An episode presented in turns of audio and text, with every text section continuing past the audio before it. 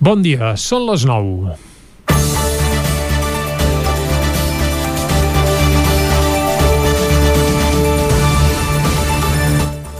La C-59 és una carretera que uneix el Vallès Oriental amb el Moianès, que últimament col·lecciona desgràcies.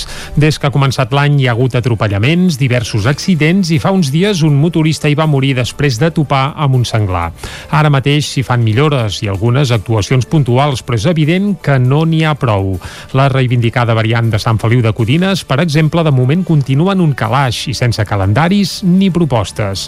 Les mancances a la C-59 també es poden traslladar a la C-17, la carretera que uneix i vertebra el Vallès, Osona i el Ripollès. De Centelles en amunt, des que la carretera és autovia, la via ha millorat i molt, però cal denunciar que entre Centelles i Aigua Freda han reaparegut els sotracs en un tram ja famós, a prop del letal revolt del Pinós. Els embussos i les cues de la C-17, el tram del Vallès, ja són un clàssic, i tot i que s'està avançant amb algunes obres, és evident que quedarien i queden moltes actuacions per fer. Ara, també cal dir que deixar la connexió entre el nord i el al sud del territori 17 només en mans d'una carretera, la C-17, no sembla la millor opció. És obligat en aquest sentit reivindicar el paper que hauria de tenir la R3, una línia de tren que si en seguiu diàriament a territori 17 ja sabeu ben bé que és un guirigall i un festival. Vaja, que no te'n pots refiar ni un pèl pel que fa a puntualitat ni a servei. I aquí sí que hi ha feina per fer, i no parlem només de desdoblaments. Una R3 digna i decent, que funcionés com ho fan els ferrocarrils de la Generalitat al Vallès Occidental, sí que seria una bona eina per resoldre els maldecaps de mobilitat a casa nostra. Avui, a l'entrevista, parlarem de la C-59, però és evident que de feina per fer n'hi ha molta també a la C-17, a la R3 i a moltes altres infraestructures del nostre territori, com per exemple la carretera de Vic a Manlleu, on aquest cap de setmana hi ha hagut un altre accident terrible.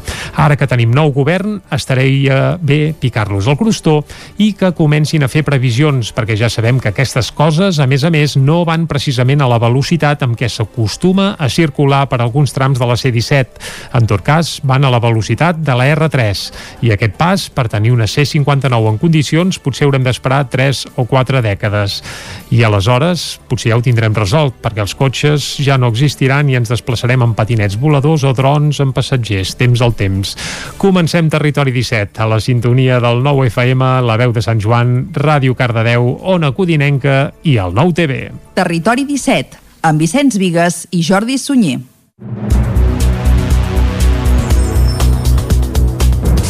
Són les 9 i gairebé 3 minuts del dilluns, dia 21 de juny de 2021. Comença ara mateix aquí un nou Territori 17 que avui, com sempre, durant la primera hora us acostarà tota l'actualitat de les nostres comarques. Després, a partir de les 10, un nou butlletí informatiu, l'entrevista, avui per parlar de la C59. També parlarem d'esports. Per què? Doncs perquè repassarem el cap de setmana esportiu pels principals equips del nostre territori i, a més a més, acabarem fent tertúlia esportiva en un cap de setmana marcat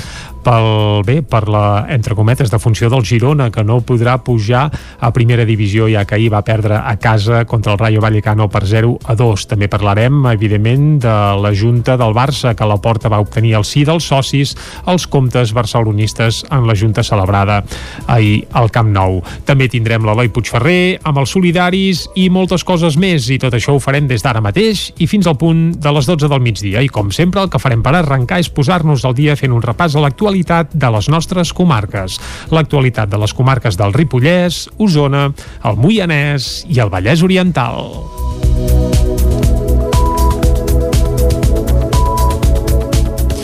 La matinada d'aquest dissabte a diumenge es va produir un greu accident a la B522, la carretera que uneix Vic amb Manlleu. Una jove motorista va topar amb un cotxe que estava avariat i ahir diumenge es trobava en mort cerebral irreversible. Pocs minuts després de les 12 de la nit a la carretera que uneix Vic i Manlleu s'hi va produir un greu accident de moto, concretament a la 006. Els serveis d'emergències van rebre l'avís que s'havia produït una col·lisió entre una moto i un vehicle al punt quilomètric 6,8 de la B512 22, perdoneu. Segons les primeres informacions, la moto hauria impactat amb el vehicle que es trobava aturat per avariar la calçada. Just en el moment del sinistre, els dos ocupants del cotxe estaven senyalitzant la incidència. Com a resultat del xoc, la persona que conduïa la moto va ser traslladada a l'Hospital Universitari de Vic en estat crític. Els dos ocupants del vehicle van resultar il·lesos. La motorista, una veïna de Manlleu de 18 anys, es trobava ahir al vespre en estat crític de mort cerebral irreversible. Tot i els bons indicadors de la pandèmia, Salut demana prudència. A Osona, el departament sospita que ja hi hauria en circulació la nova variant Delta del coronavirus. Estudien si el cas positiu d'una mestra de P5 de Centelles correspondria amb la variant detectada per primer cop a l'Índia i que tindria un índex més alt de transmissió. Salut demana prudència després de detectar-se un possible cas de la variant Delta, una soca detectada per primer cop a la Índia l'octubre de l'any passat. El departament estudia el cas d'una mestra de P5 de l'Escola Sagrats Cors de Centelles que segons els resultats preliminars de la prova PCR positiva semblaria indicar que aquesta variant ja hauria arribat a Osona. A la pràctica, tot i això, no hi ha canvis en el procediment que cal seguir en els aïllaments i en aquests moments, segons fons del centre, la mestra es trobaria bé i ni els alumnes ni les seves famílies tindrien símptomes de la Covid. Segons dades de salut, la variant Delta ja representa el 20% dels casos de coronavirus de Catalunya i els experts apunten que d'aquí a poques setmanes serà la soca dominant al país país. Aquesta variant semblaria que té un índex més alt de transmissió i encara que no hi ha prou dades per afirmar si la soca és més o menys virulenta, semblaria que la vacuna també és efectiva.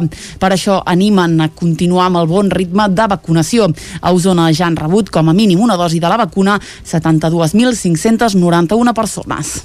Una sequoia partida per un llamp a Sant Joan de les Abadesses i una violenta calamarsada a Ribes de Freser són els principals incidents al Ripollès d'aquests dies de temporal. Isaac, Isaac Muntades, des de la veu de Sant Joan. Les tempestes dels darrers dies han deixat seqüeles al Ripollès. La més visible es va produir aquest diumenge al matí quan faltaven 5 minuts per 3 quarts de 12. Un llamp va espetegar de ple contra una sequoia centenària de grans dimensions ubicada al jardí de la casa particular de la Torre Franc de Sant Joan de les Abadeses, ben a prop de la colònia Espona i a davant de la carretera de Camprodon. El llamp va partir l'arbre per la meitat i la seva capçalera va caure a la plaça Pompeu Fabra, on sortosament no hi havia ningú i no es van haver de lamentar ferits. Fins allà s'hi van desplaçar dues dotacions dels bombers de la Generalitat de Catalunya que van van retirar les branques que podien representar un perill per les persones i van avalisar la zona. A més, es va revisar l'estat d'allò que quedava de la sequoia. El fort soroll del tro va alertar molts veïns i alguns per les xarxes socials deien que la gent que hi vivia a prop i estava tocant un objecte metàl·lic s'havien rampat. Aquest no ha estat l'únic fenomen meteorològic que ha castigat el Ripollès aquests dies i és que dijous a la tarda Ribes de Freser va patir una forta pedregada que va deixar els carrers i comerços del poble negats de pedra i aigua. Al principi plovia molt fort, però després va pedregar amb força violència i el vent feia moure els arbres. Diverses botigues del centre de la vila, cap a la zona de la plaça del Mercat i del carrer Major, van quedar inundades. El passeig del Taga, que baixa des del pavelló municipal fins al centre de la vila, es va convertir en un riu i va fer que l'aigua i la pedra es concentrés als vials més cèntrics. La policia local, els Mossos d'Esquadra, els bombers i els mateixos veïns van haver de treure tota la pedra amb pales. També hi va col·laborar una màquina per arraconar les boles de la calamarsada i dijous al vespre ja s'havia restablert el trànsit de tots els carrers, exceptuant el carrer Major en el tram de la farmàcia de la plaça del Mercat. Aquest diumenge encara quedava pedra del dijous, la qual només va caure en un interval molt curt de 10 minuts, però que va ser suficient per col·lapsar el centre de la vila. La tempesta de dijous també va provocar que caigués un arbre a la Nacional 260 entre Can Davant i Ripoll. Per sort no es van produir danys personals i l'arbre només tallava un carril i molt poc de l'altre i es podia donar pas alternatiu als diversos vehicles que hi passaven. Reempresa ha evitat el tancament de 217 negocis al Vallès Oriental en els últims 10 anys. Ho van confirmar a la matinal Reempresa que es va fer al Vallès Oriental divendres al matí. David Auladell, de Ràdio Televisió de Cardedeu. Va ser un matí d'activitats i conferències dirigides a persones empresàries que busquen vendre la seva empresa i emprenedors que busquen agafar el relleu d'un negoci que ja està en funcionament. L'edició d'enguany ha tingut lloc de manera virtual per facilitar la connexió d'usuaris i usuàries d'arreu de la comarca. L'acte que va reunir una seixantena d'assistents entre persones empresàries i emprenedors va estar coordinat conjuntament pels punts locals de reempresa de Granollers, Cardedeu, Sant Celoni, les Franqueses del Vallès, Mollet del Vallès, Caldes de Montbuí i la Diputació de Barcelona. En la seva intervenció, el president de Secot i del Centre de Reempresa de Catalunya, Antoni Abad, va agrair el suport i compromís de la Diputació de Barcelona per apostar per un projecte com el de reempresa que pretén facilitar la compravenda de negocis entre persones emprenedores i empresàries. En la seva intervenció, el diputat de Comerç de l'àrea de Desenvolupament Econòmic, Turisme i Comerç de la Diputació de Barcelona, Òscar Sierra, va assegurar que Reempresa aposta per la consolidació i creixement de les empreses existents. L'acte es va estructurar en diverses activitats, dues conferències amb l'objectiu d'assessorar possibles cedents i persones reemprenedores interessades en el programa, un elevator pitch on diferents empresaris i empresàries van poder presentar la seva empresa a diferents emprenedors en poc més d'un minut i mig i un espai de matchings on les persones participants han disposat de 30 minuts per poder poder-se entrevistar amb diferents sedents que busquen vendre el seu negoci. 5 anys d'autogestió, caos i cultura a Vic. Aquest és el títol de l'exposició que des d'aquest dijous es pot veure a l'AC Vic, al Centre d'Arts Contemporànies. Una mostra que serveix per commemorar el cinquè aniversari de l'associació La Clota. Fins al 24 de juliol, el centre també acollirà la nova peça dels relats fotogràfics, una obra que signen a quatre mans el fotògraf Sagi Serra i l'activista Biel Bernils. Fotografies de concerts, cartells, publicacions a mitjans i fins i tot la caixa de resistència són alguns dels objectes que des d'aquest dijous es poden veure a l'ACVIC en el marc d'una exposició retrospectiva que l'associació La Clota ha organitzat coincidint amb el cinquè aniversari de la seva creació. La mostra parteix dels inicis del col·lectiu, sempre vinculats al solar abandonat de les adoberies i proposa un recorregut per totes les activitats i disciplines que han forjat el projecte al llarg d'aquests cinc primers anys de vida. Arnau Mussacs i Marcel Pujols són membres de l'associació La Clota. Ens sorprenem nosaltres mateixos quan ho veiem també, perquè no ens acabem, bueno, vull dir, mai ho havíem vist tot ficat a la mateixa sala i és tan variada les activitats que hem fet i no sé, estem molt contents de poder-ho reunir tot en un lloc. Fa a nivell d'activitats hem, hem organitzat moltes coses que són les que es poden veure aquí a l'exposició amb cartells i fotografies. Uh, venim de la música però de la música anem bastant més enllà i barregem disciplines. Uh, fa un parell d'anys hem creat una ràdio també um, el projecte va sol nosaltres anem al darrere una mica intentant-lo atrapar i, i no sé, la clota és això. El que també es va inaugurar aquest dijous és la nova peça dels relats fotogràfics, una obra que signen a quatre mans el fotògraf Sagi Serra i l'activista Biel Bernils. A la imatge hi apareix la cantant i compositora Txell Sust durant una actuació a la Jazz Cava de Vic. Ton Granero és el director de l'ACPIC. Aquest cop inaugurem amb en Sagi Serra, que és un fotògraf, ja podríem dir que és històric del 9-9. Ens agrada molt acollir la foto i està molt especialitzat en concerts per tant ens ha fet una fotografia de la Xilxús a la Cava de Jazz, que és un espai també emblemàtic de la ciutat, acompanyat també el Bernís, Bernils, que és un activista de la paraula, són veïns de, físicament a més a més amb l'espai nostre i ens agrada molt tenir-los aquí. Les dues mostres es podran veure a l'ACVIC fins al 24 de juliol. Esports. El rec amb làser Caldes s'ha tornat a quedar a les portes d'una gran final després de caure per 4-1 davant el Sarzana en les semifinals de l'Eurocup 2021. Caral Campàs, des d'Ona Codinenca.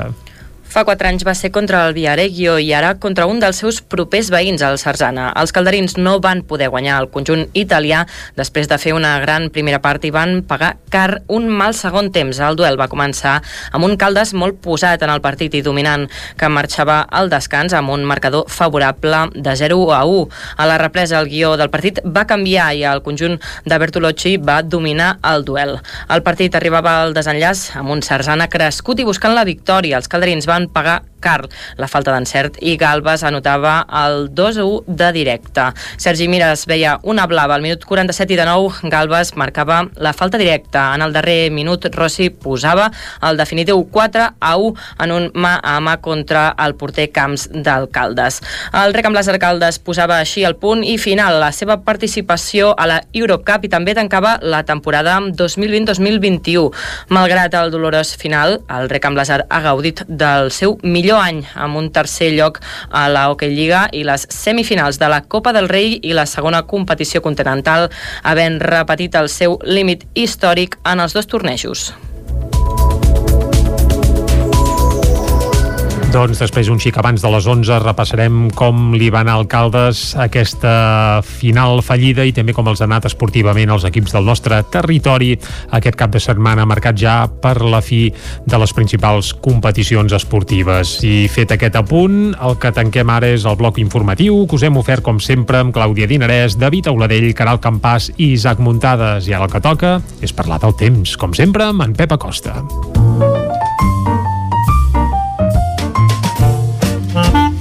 Casa Terradellos us ofereix el temps. Doncs sembla que avui hem entrat a l'estiu, eh, si més no, a l'astronòmic, al meteorològic, ja feia uns dies que ja estàvem capbussats, però això ens ho explicarà millor en Pep Acosta. Molt bon dia, Pep.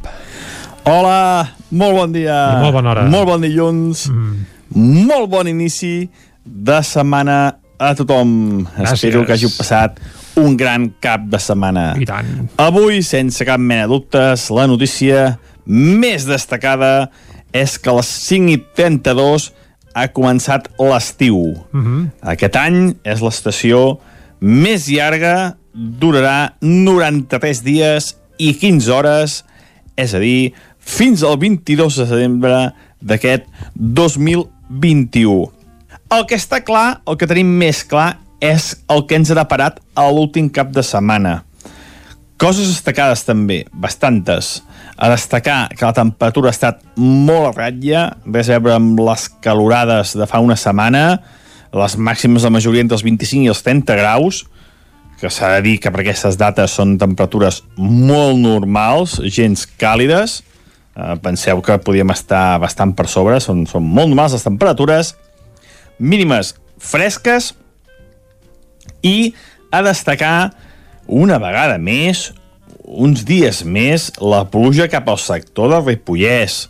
Ull de Ter, Núria, entre dissabte i diumenge uns 40 litres. Uh, aquella zona no paren de rebre precipitació. Deu mm -hmm. estar tot uh, ple d'aigua, un paisatge preciós i aniré, aniré aviat a veure com està tot allò. Ben fet. Uh, I és que no para, no para de ploure en aquella zona. Uh, hi ha molta sequera cap a la zona prelitoral, sobretot i a l'interior, però en aquella zona no paren de, de rebre tempestes i precipitacions.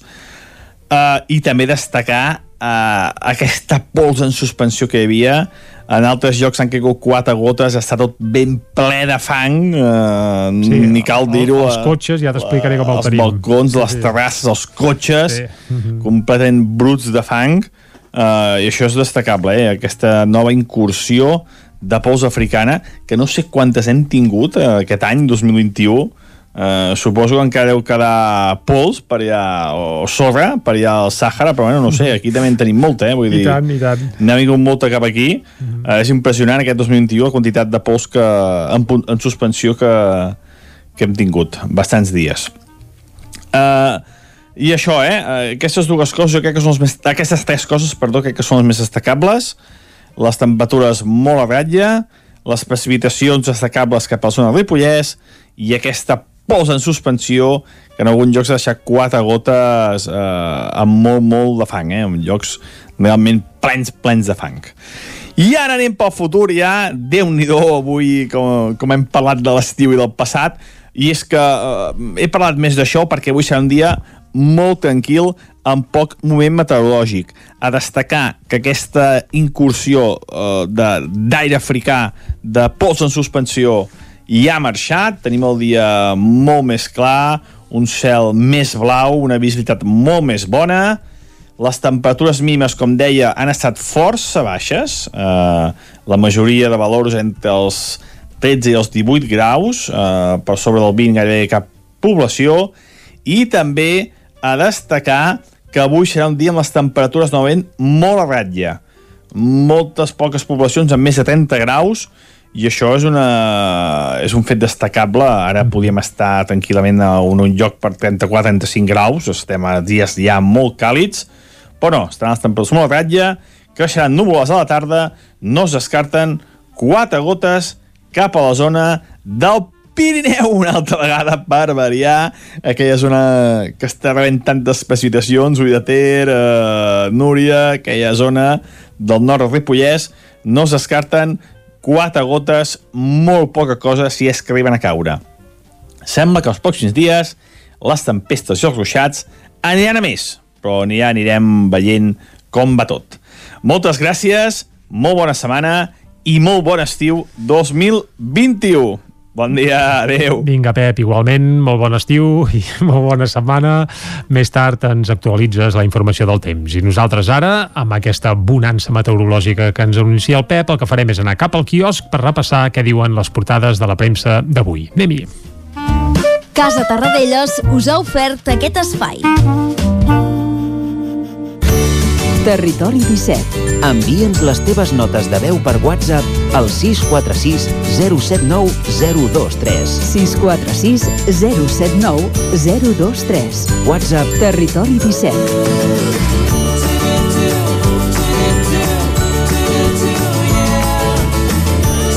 Territori 17.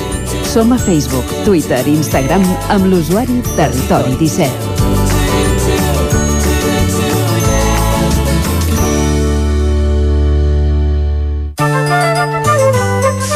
Doncs vinga, som dilluns i això vol dir que arrencarem el repàs a les portades amb les portades del 9-9, evidentment. Clàudia Dinarès, bon dia, altra molt vegada. bon dia, molt bon dia. Diu Comencem 9-9? amb, exacte, comencem amb l'edició del 9-9 d'Osona i el Ripollès que Mhm. diu decepció al sector de l'oci nocturn per les mesures de la reobertura, l'obligació de consumir asseguts i de mantenir la distància a la pista, mesures polèmiques.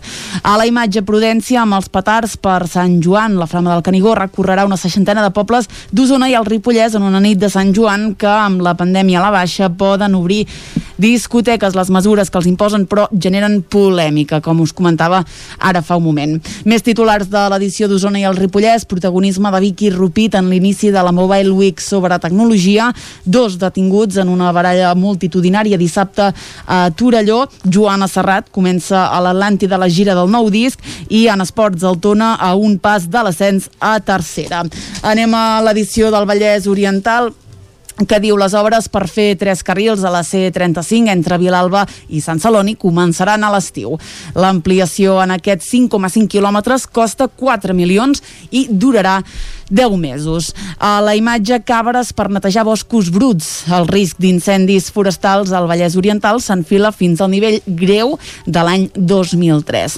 Més coses, el regidor de Vallromanes condemnat per assetjar la seva exparella. El veiem en una de les imatges més petitones que apareixen a la portada i Granollers instal·larà nou mòduls tancats per aparcar bicicletes de forma segura al carrer. Un últim titular i anem a les portades catalanes. L'accés als gorgs de Riells del FAI es regularà amb parquímetres per evitar aglomeracions aquest estiu. Fantàstic, doncs deixem les portades del 9-9 i anem cap a les d'àmbit nacional. Comencem, com sempre, amb el punt avui que diu el sentit de l'indult. Junqueras el considera un triomf sobre les febleses de l'Estat. Puigneró adverteix per la seva banda que l'objectiu és la fi de la repressió i l'amnistia i Puigdemont insta a Sánchez a respectar la immunitat que li atorga a Europa. A la imatge, Márquez torna a guanyar. El Girona, per la seva banda, perd contra el Rayo i ensopega un altre cop en la final del play-off per l'ascens. Uh, encara en esports, els socis del Barça aproven en assemblea els comptes de dues temporades. Altres coses del punt avui, el límit pels lloguers es, es consolida tot i al Tribunal Constitucional i set lingüistes fan propostes i un pacte per salvar la llengua. Mm -hmm. Anem al diari Ara que diu recta final cap als indults. Sánchez defensa avui al Liceu la mesura en absència del govern, la firma del rei, el BOE i el Suprem, els últims passos un cop aprovats i la jurisprudència apunta que els recursos del PP, Vox i Ciutadans no s'admetran. A la imatge, frustració gironina a Montilivi viu una nit negra i diu adeu a l'ascens i l'ingrés mínim vital només arriba a un terç de les famílies previstes. És un dels titulars de l'Ara que també diu la ultradreta s'encalla a les regionals franceses. Anem avançant, anem al periòdico que obre amb aquesta notícia pràcticament del dia. Eh? Tornen les nits de ball. Discoteques, bars musicals i karaokes reobren amb limitacions després de gairebé 15 mesos del tancament. Uh, pel que fa als indults, diu els indults obren un nou, una nova era política. I uh, avui uh, el periòdico entrevista a Nadia Calviño, vicepresidenta segona, que diu l'estabilitat és un valor econòmic i els indults ajuden. Acabem, com sempre, amb la Vanguardia, que diu el govern central preveu aprovar demà uns indults que creu inexpugnables. L'argument per concedir la llibertat als presos independentistes és la utilitat social de la mesura. A la imatge, adeu al curs més difícil. Hi ha doncs, aquesta imatge d'alumnes tirant el barret, no? Una imatge típica, també. Una mica clàssica, sí, sí, sí. Exacte. Sobretot de pel·lícules, eh? Exacte. Jo no ho he fet mai. No, jo tampoc. Molt bé, dos titulars més i ens anem a Madrid. El turisme low cost s'estén després de la pandèmia i la dreta francesa reneix a les urnes davant Le Pen. Molt bé. Uh, què ens queda, Clàudia? Ens queden les portades de Madrid. Anem Doncs a... anem-hi, va. Comencem amb el país que diu l'independentisme rep els indults en un to desafiant. A la imatge, Márquez s'aixeca per fi de la seva caiguda, la depressió juvenil, un altre dels efectes de la pandèmia, i Alerta Anticorrupció investiga un suposat plan de 12 milions per anul·lar la Gürtel. El Mundo, líders de la COE, es tallen pels indults i desborden a Garamendi. A la imatge autoindult de l'Estat que reflexa la seva debilitat. A la imatge que veiem és a Carles Puigdemont en aquesta posada en escena d'aquest diumenge. I la penalització per prejubilar-se podrà arribar als 8.200 euros com a màxim. Com sempre hem d'acabar amb l'ABC amb una imatge d'Oriol Junqueras. Diu Junqueras obre, obre unes uh, declaracions, o, eh? ah, cometes, val. Exacte, declaracions de, de Junqueras. L'indult és un triomf perquè demostra la debilitat de l'Estat.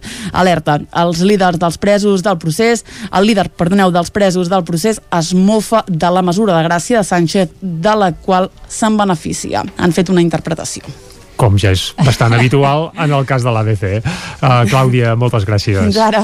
Molt bé, nosaltres ara res, seguim fent just un apunt del que diu la premsa esportiva, que som dilluns i sempre té un interès especial, i comencem per l'esportiu, que titula Sí a tot, amb una fotografia de Joan Laporta explicant que els socis del Barça donen la seva confiança a Joan Laporta i s'aprova el tancament de l'exercici tant de la temporada passada com el pressupost de l'actual i, a més a més, la concessió d'un crèdit de 525 milions que aviat és dit. També titulen una decepció immensa, fent referència al 0 a 2 ahir a Montilivi, que impedirà al Girona jugar a primera divisió, tot i que fa uns dies havia guanyat 1 a 2 al camp del Rayo i semblava que ho tenia tot de cara per això, per endur-se eh, bé, per pujar a primera. I finalment un titulet petit, Márquez torna, i és que ahir el campió, el Tro de Cervera, va tornar a guanyar una cursa després de pràcticament dos anys. I a més, un darrer apunt, el llei de llista suma el tercer títol seguit i és que va guanyar la, entre cometes, eh, la UEFA d'hoquei patins, un títol que se li va escapar al Caldes, com hem sentit abans al butlletí informatiu. Uh, tanquem aquí el repàs de la premsa diària. Ara farem una breu pausa aquí a Territori 17. Tornem a dos quarts en punt, acostant-vos de nou l'actualitat de les nostres comarques. Fins ara mateix.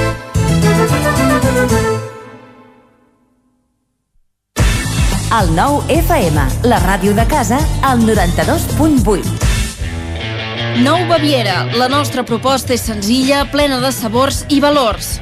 El nostre èxit és la senzillesa de la nostra carta amb productes frescos, de primera qualitat i de quilòmetre zero. Som especialistes en frankfurts, hamburgueses 100% de carn de vedella, entrepans i una de les millors patates braves de tot Vic. Amanides, plats combinats, tot al teu gust. Nou Baviera. Ho fem per tu com si fos per nosaltres. Som al carrer Verdaguer número 36 de Vic. A Magatzem de Trossos trobaràs una gran varietat de teixits a metres, lunetes, robes de patchwork i tot el material per poder fer el que necessitis. A més, et confeccionem a mida el que et faci falta. Cortines enrotllables, fundes de coixins per interior i exterior, matalassos i coixins per a furgonetes i autocaravanes. Vine a veure'ns a Magatzem de Trossos, al carrer Manel Serra i Moret, número 14 de Vic. El Roures Parc de Ceba. Obrim a partir del 26 de juny. Pista de vòlei, pista 3x3, bar, zona pícnic i una gran caseta de boles. Dues piscines amb grans espais verds per adults i una piscina dedicada a infants amb màxima garantia d'higiene i seguretat. El Roures Parc de Ceba. Obrim cada dia, matí i tarda, amb reducció de preu per l'accés matinal. T'esperem al Roures Parc de Ceba. El nou FM, la ràdio de casa, al 92.8. Les rebelles aquí. A Manli seleccionem el millor en pirotècnia, bengales i coets als millors preus. Visita'ns a les nostres casetes i a la nostra botiga. Pagament amb targeta o en efectiu. Manli, ho tenim tot a punt perquè passis la millor rebetlla. Som al carrer Ramon Soler, número de Vic, i també ens trobareu a manli.cat. Telèfon 93 889 0484. I ara també venda online. Vols estudiar un grau de salut i compaginar-lo amb la feina? A la UBIC podràs ampliar la teva formació professional en l'àmbit de la teràpia ocupacional d'una forma flexible i amb només un 5% d'assistència presencial a la UBIC. Informa't a ubic.cat barra info barra teràpia semi. Universitat de Vic. Universitat Central de Catalunya. El nou FM, el nou FM. El nou FM, el nou FM, el nou FM, el nou FM. El nou FM. La ràdio de casa al 92.8.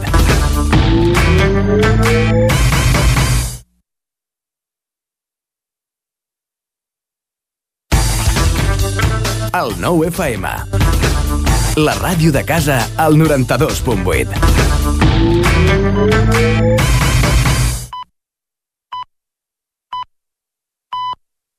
Territori 17, amb Vicenç Vigues i Jordi Sunyer.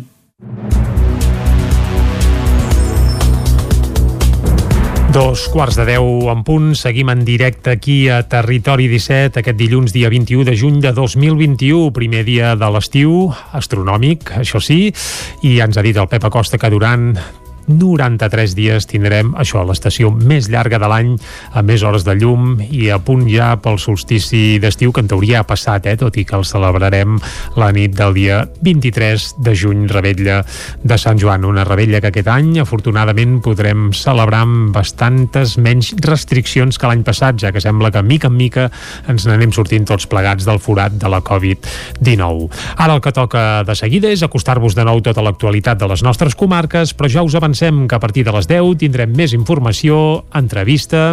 Avui també tindrem el territori, no el territori, sinó els solidaris, amb l'Eloi Puigferrer. Farem un repàs de com els ha anat esportivament parlant al cap de setmana els equips del nostre territori. I, a més a més, avui acabarem amb la darrera tertúlia esportiva de la temporada, un programa als vols una mica abans de les 12. Començarem a parlar d'esports. Això ho farem a la part final d'un territori 17, que ara segueix posant-vos el dia de nou, tot fent un repàs a l'actualitat de les nostres comarques, l'actualitat de les comarques del Ripollès, Osona, el Moianès i el Vallès Oriental.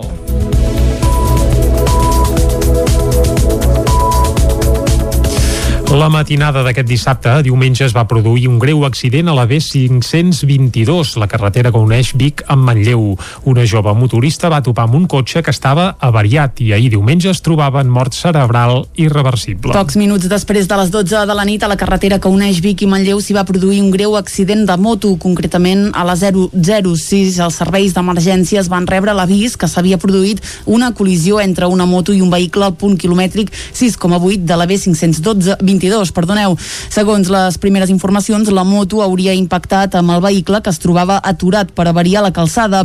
Just en el moment del sinistre, els dos ocupants del cotxe estaven senyalitzant la incidència. Com a resultat del xoc, la persona que conduïa la moto va ser traslladada a l'Hospital Universitari de Vic en estat crític. Els dos ocupants del vehicle van resultar il·lesos. La motorista, una veïna de Manlleu de 18 anys, es trobava ahir al vespre en estat crític de mort cerebral irreversible. Tot i els bons indicadors de la pandèmia, Salut demana prudència. A Osona, el departament sospita que ja hi hauria en circulació la nova variant Delta del coronavirus. Estudien si el cas positiu d'una mestra de P5 de Centelles correspondria amb la variant detectada per primer cop a l'Índia i que tindria un índex més alt de transmissió. Salut demana prudència després de detectar-se un possible cas de la variant Delta, una soca detectada per primer cop a la Índia l'octubre de l'any passat. El departament estudia el cas d'una mestra de P5 de l'Escola Sagrats Cors de Centelles que segons els resultats preliminars de la prova PCR positiva semblaria indicar que aquesta variant ja hauria arribat a Osona. A la pràctica, tot i això, no hi ha canvis en el procediment que cal seguir en els aïllaments i en aquests moments, segons fons del centre, la mestra es trobaria bé i ni els alumnes ni les seves famílies tindrien símptomes de la Covid. Segons dades de salut, la variant Delta ja representa el 20% dels casos de coronavirus de Catalunya i els experts apunten que d'aquí a poques setmanes serà la soca dominant al país. Aquesta variant semblaria que té un índex més alt de transmissió i encara que no hi ha prou dades per afirmar si la soca és més o menys virulenta, semblaria que la vacuna també és efectiva. Per això animen a continuar amb el bon ritme de vacunació. A Osona ja han rebut com a mínim una dosi de la vacuna 72.591 persones. Una sequoia partida per un llamp a Sant Joan de les Abadesses i una violenta calamarsada a Ribes de Freser són els principals incidents al Ripollès d'aquests dies de temporal. Isaac, Isaac Muntades, des de la veu de Sant Joan. Les tempestes dels darrers dies han deixat seqüeles al Ripollès. La més visible es va produir aquest diumenge al matí quan faltaven 5 minuts per 3 quarts de 12. Un llamp va espetegar de ple contra una sequoia centenària de grans dimensions ubicada al jardí de la casa particular de la Torre Franc de Sant Joan de les Abadeses, ben a prop de la colònia Espona i a davant de la carretera de Camprodon. El llamp va partir l'arbre per la meitat i la seva capçalera va caure a la plaça Pompeu Fabra, on sortosament no hi havia ningú i no es van haver de lamentar ferits. Fins allà s'hi van desplaçar dues dotacions dels bombers de la Generalitat de Catalunya que van van retirar les branques que podien representar un perill per les persones i van avalisar la zona. A més, es va revisar l'estat d'allò que quedava de la sequoia. El fort soroll del tro va alertar molts veïns i alguns per les xarxes socials deien que la gent que hi vivia a prop i estava tocant un objecte metàl·lic s'havien rampat. Aquest no ha estat l'únic fenomen meteorològic que ha castigat el Ripollès aquests dies i és que dijous a la tarda Ribes de Freser va patir una forta pedregada que va deixar els carrers i comerços del poble negats de pedra i aigua. Al principi plovia molt fort, però després va pedregar amb força violència i el vent feia moure els arbres. Diverses botigues del centre de la vila, cap a la zona de la plaça del Mercat i del carrer Major, van quedar inundades. El passeig del Taga, que baixa des del pavelló municipal fins al centre de la vila, es va convertir en un riu i va fer que l'aigua i la pedra es concentrés als vials més cèntrics. La policia local, els Mossos d'Esquadra, els bombers i els mateixos veïns van haver de treure tota la pedra amb pales. També hi va col·laborar una màquina per arraconar les boles de la calamarsada i dijous al vespre ja s'havia restablert el trànsit de tots els carrers, exceptuant el carrer Major en el tram de la farmàcia de la plaça del Mercat. Aquest diumenge encara quedava pedra del dijous, la qual només va caure en un interval molt curt de 10 minuts, però que va ser suficient per col·lapsar el centre de la vila. La tempesta de dijous també va provocar que caigués un arbre a la Nacional 260 entre Can de Bànol i Ripoll. Per sort no es van produir danys personals i l'arbre només tallava un carril i molt poc de l'altre i es podia donar pas alternatiu als diversos vehicles que hi passaven. Reempresa ha evitat el tancament de 217 negocis al Vallès Oriental en els últims 10 anys. Ho van confirmar a la matinal Reempresa que es va fer al Vallès Oriental divendres al matí. David Auladell, de Ràdio Televisió de Cardedeu. Va ser un matí d'activitats i conferències dirigides a persones empresàries que busquen vendre la seva empresa i emprenedors que busquen agafar el relleu d'un negoci que ja està en funcionament. L'edició d'enguany ha tingut lloc de manera virtual per facilitar la connexió d'usuaris i usuàries d'arreu de la comarca. L'acte que va reunir una seixantena d'assistents entre persones empresàries i emprenedors va estar coordinat conjuntament pels punts locals de reempresa de Granollers, Cardedeu, Sant Celoni, les Franqueses del Vallès, Mollet del Vallès, Caldes de Montbui i la Diputació de Barcelona. En la seva intervenció, el president de Secot i del Centre de Reempresa de Catalunya, Antoni Abad, va agrair el suport i compromís de la Diputació de Barcelona per apostar per un projecte com el de reempresa que pretén facilitar la compravenda de negocis entre persones emprenedores i empresàries. En la seva intervenció, el diputat de Comerç de l'àrea de Desenvolupament Econòmic, Turisme i Comerç de la Diputació de Barcelona, Òscar Sierra, va assegurar que Reempresa aposta per la consolidació i creixement de les empreses existents. L'acte es va estructurar en diverses activitats, dues conferències amb l'objectiu d'assessorar possibles cedents i persones reemprenedores interessades en el programa, un elevator pitch on diferents empresaris i empresàries van poder presentar la seva empresa a diferents emprenedors en poc més d'un minut i mig i un espai de matchings on les persones participants han disposat de 30 minuts per poder-se entrevistar amb diferents cedents que busquen vendre el seu negoci. 5 anys d'autogestió, caos i cultura a Vic. Aquest és el títol de l'exposició que des d'aquest dijous es pot veure a l'ACVIC, al Centre d'Arts Contemporànies. Una mostra que serveix per commemorar el cinquè aniversari de l'associació La Clota. Fins al 24 de juliol, el centre també acollirà la nova peça dels relats fotogràfics, una obra que signen a quatre mans el fotògraf Sagi Serra i l'activista Biel Bernils. Fotografies de concerts, cartells, publicacions a mitjans i fins i tot la caixa de resistència són alguns dels objectes que des d'aquest dijous es poden veure a l'ACVIC en el marc d'una exposició retrospectiva que l'associació La Clota ha organitzat coincidint amb el cinquè aniversari de la seva creació. La mostra parteix dels inicis del col·lectiu, sempre vinculats al solar abandonat de les adoberies i proposa un recorregut per totes les activitats i disciplines que han forjat el projecte al llarg d'aquests cinc primers anys de vida. Arnau Mussacs i Marcel Pujols són membres de l'associació La Clota.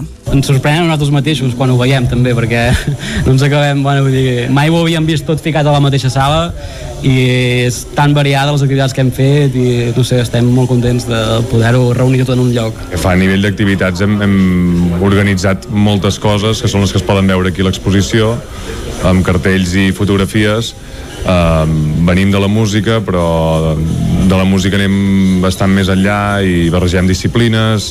Uh, fa un parell d'anys hem creat una ràdio també. Um, el projecte va sol, nosaltres anem al darrere una mica intentant-lo atrapar i, i no sé, la clota és això. El que també es va inaugurar aquest dijous és la nova peça dels relats fotogràfics, una obra que signen a quatre mans el fotògraf Sagi Serra i l'activista Biel Bernils. A la imatge hi apareix la cantant i compositora Txell Sust durant una actuació a la Jazz Cava de Vic. Ton Granero és el director de l'ACPIC. Aquest cop inaugurem amb en Sergi Serra, que és un fotògraf, ja podríem dir que és històric del 9-9. Ens agrada molt acollir la foto i està molt especialitzat en concerts. Per tant, ens ha fet una fotografia de la Xilxús a la Cava de Jazz, que és un espai també emblemàtic de la ciutat, acompanyat també el Bernís, Bernils, que és un activista de la paraula. Som veïns de, físicament, a més a més, de l'espai nostre, i ens agrada molt tenir-los aquí. Les dues mostres es podran veure a l'ACVIC fins al 24 de juliol. Esports. El rec amb làser Caldes s'ha tornat a quedar a les portes d'una gran final després de caure per 4-1 davant el Sarzana en les semifinals de l'Eurocup 2021. Caral Campàs, des d'Ona Codinenca. Fa quatre anys va ser contra el Viareggio i ara contra un dels seus propers veïns, el Sarzana. Els calderins no van poder guanyar el conjunt italià després de fer una gran primera part i van pagar car un mal segon temps. El duel va començar amb un Caldes molt posat en el partit i dominant, que marxava al descans amb un marcador favorable de 0 a 1. A la represa, el guió del partit va canviar i el conjunt de Bertolocci va dominar el duel. El partit arribava al desenllaç amb un Sarzana crescut i buscant la victòria. Els calderins van pagar car la falta d'encert i Galbas anotava el 2 a 1 de directe. Sergi Mires veia una blava al minut 47 i de nou Galbas marcava la falta directa. En el darrer minut Rossi posava el definitiu 4 a 1 en un mà a mà contra el porter Camps d'Alcaldes. El rec amb les Alcaldes posava així el punt i final la seva participació a la Eurocup i també tancava la temporada 2020-2021. Malgrat el dolorós final, el rec amb l'Azar ha gaudit del seu millor any amb un tercer lloc a la Hockey Lliga i les semifinals de la Copa del Rei i la segona competició continental havent repetit el seu límit històric en els dos tornejos. L'àrea de Llep Doncs després, un xic abans de les 11, repassarem com li van a Alcaldes aquesta final fallida i també com els ha anat esportivament els equips del nostre territori aquest cap de setmana marcat ja per la fi de les principals competicions esportives. I fet aquest apunt, el que tanquem ara és el bloc informatiu que us hem ofert com sempre amb Clàudia Dinarès, David Auladell, Caral Campàs i Isaac Muntades. I ara el que toca és parlar del temps, com sempre, amb en Pep Acosta.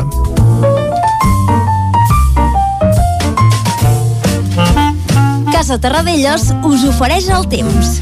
Doncs sembla que avui hem entrat a l'estiu, eh, si més no, a l'astronòmic, al meteorològic, ja feia uns dies que ja estàvem capbussats, però això ens ho explicarà millor en Pep Acosta. Molt bon dia, Pep.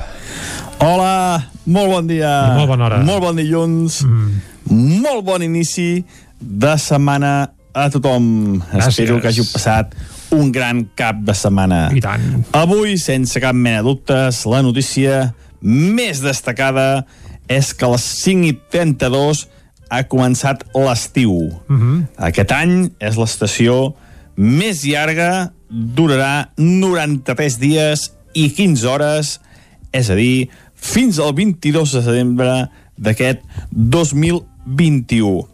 El que està clar, el que tenim més clar, és el que ens ha deparat a l'últim cap de setmana. Coses destacades també, bastantes. A destacar que la temperatura ha estat molt a ratlla, res a veure amb les calorades de fa una setmana, les màximes la majoria entre els 25 i els 30 graus, que s'ha de dir que per aquestes dates són temperatures molt normals, gens càlides, eh, penseu que podíem estar bastant per sobre, són, són molt normals les temperatures, mínimes fresques, i a destacar una vegada més, uns dies més, la pluja cap al sector del Ripollès.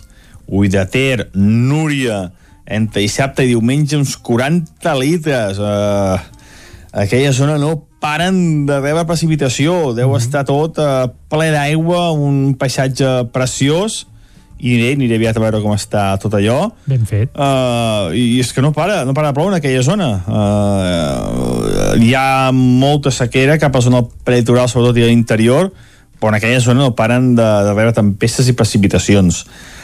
Uh, I també destacar uh, aquesta pols en suspensió que hi havia en altres llocs han caigut quatre gotes, està tot ben ple de fang, eh, sí, ni cal dir-ho. Els cotxes, ja t'explicaré com el tenim. Els balcons, les Sí. terrasses, els cotxes, Sí. sí. completament bruts de fang, eh, i això és destacable, eh? aquesta nova incursió de pols africana, que no sé quantes hem tingut eh, aquest any, 2021, Uh, suposo que encara deu quedar pols per allà, o sorra per allà al Sàhara, però bueno, no sé, aquí també en tenim molta, eh? Vull I dir, tant, i tant. n'ha vingut molta cap aquí. Mm -hmm. uh, és impressionant aquest 2021 la quantitat de pols que, en, en suspensió que, que hem tingut, bastants dies.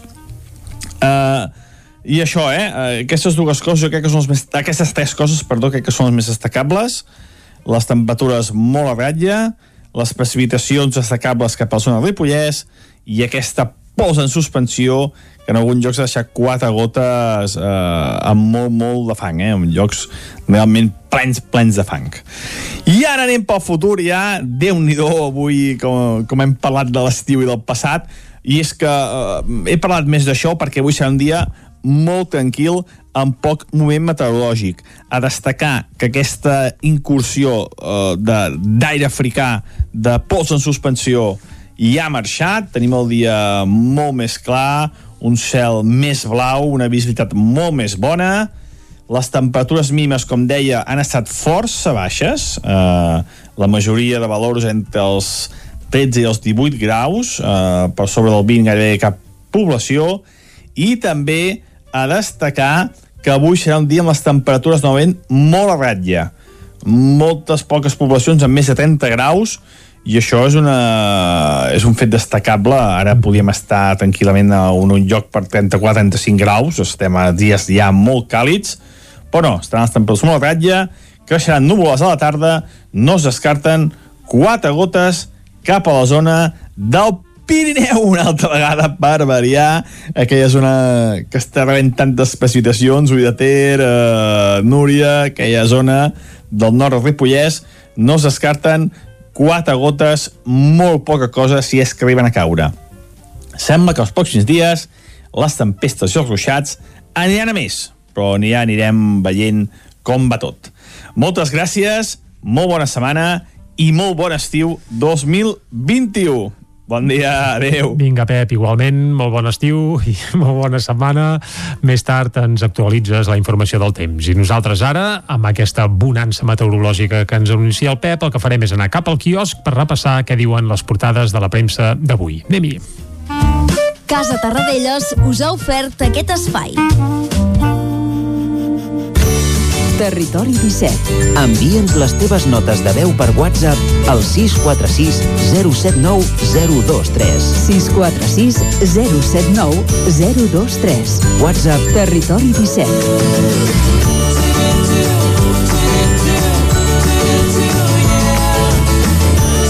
Territori 17.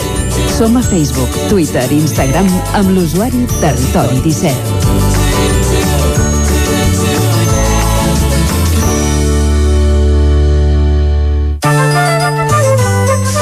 Doncs vinga, som dilluns i això vol dir que arrencarem el repàs a les portades amb les portades del 9-9, evidentment. Clàudia Dinarès, bon dia, altra Molt vegada. bon dia, molt bon dia. Comencem 9-9? amb, exacte, comencem amb l'edició del 9-9 d'Osona i el Ripollès que diu decepció al sector de l'oci nocturn per les mesures de la reobertura, l'obligació de consumir asseguts i de mantenir la distància a la pista, mesures polèmiques.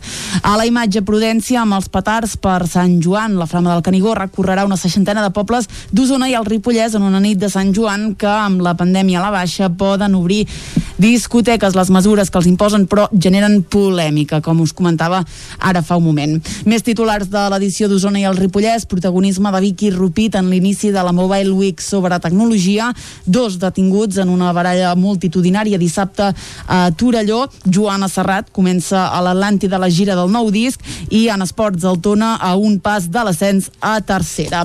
Anem a l'edició del Vallès Oriental que diu les obres per fer tres carrils a la C35 entre Vilalba i Sant Celoni començaran a l'estiu. L'ampliació en aquests 5,5 quilòmetres costa 4 milions i durarà 10 mesos. A la imatge, cabres per netejar boscos bruts. El risc d'incendis forestals al Vallès Oriental s'enfila fins al nivell greu de l'any 2003. Més coses, el regidor de Vallroman és condemnat per assetjar la seva exparella. El veiem en una de les imatges més petitones que apareixen a la portada uh -huh. i Granollers instal·larà nou mòduls tancats per aparcar bicicletes de forma segura al carrer. Un últim titular i anem a les portades catalanes. L'accés als gorgs de Riells del FAI es regularà amb parquímetres per evitar aglomeracions aquest estiu. Fantàstic, doncs deixem les portades del 9-9 i anem cap a les d'àmbit nacional. Comencem, com sempre, amb el punt avui que diu el sentit de l'indult. Junqueras el considera un triomf sobre les febleses de l'Estat. Puigneró adverteix per la seva banda que l'objectiu és la fi de la repressió i l'amnistia i Puigdemont insta a Sánchez a respectar la immunitat que li atorga a Europa. A la imatge, Márquez torna a guanyar. El Girona, per la seva banda, perd contra el Rayo i ensopega un altre cop en la final del play-off per l'ascens. Uh, encara en esports, els socis del Barça aproven en assemblea els comptes de dues temporades. Altres coses del punt avui, el límit pels lloguers es, es consolida tot i el Tribunal Constitucional i set lingüistes fan propostes i un pacte per salvar la llengua. Mm -hmm. Anem al diari Ara que diu recta final cap als indults. Sánchez defensa avui al Liceu la mesura en absència del govern, la firma del rei, el BOE i el Suprem, els últims passos un cop aprovats i la jurisprudència apunta que els recursos del PP, Vox i Ciutadans no s'admetran. A la imatge, frustració gironina a Montilivi viu una nit negra i diu adeu a l'ascens i l'ingrés mínim vital només arriba a un terç de les famílies previstes. És un dels titulars de l'Ara que també diu la ultradreta s'encalla a les regionals franceses. Anem avançant, anem al periòdico que obre amb aquesta notícia pràcticament del dia, eh? tornen les nits de ball. Discoteques, bars musicals i karaokes reobren amb limitacions després de gairebé 15 mesos del tancament. Uh, pel que fa als indults, diu els indults obren un nou, una nova era política.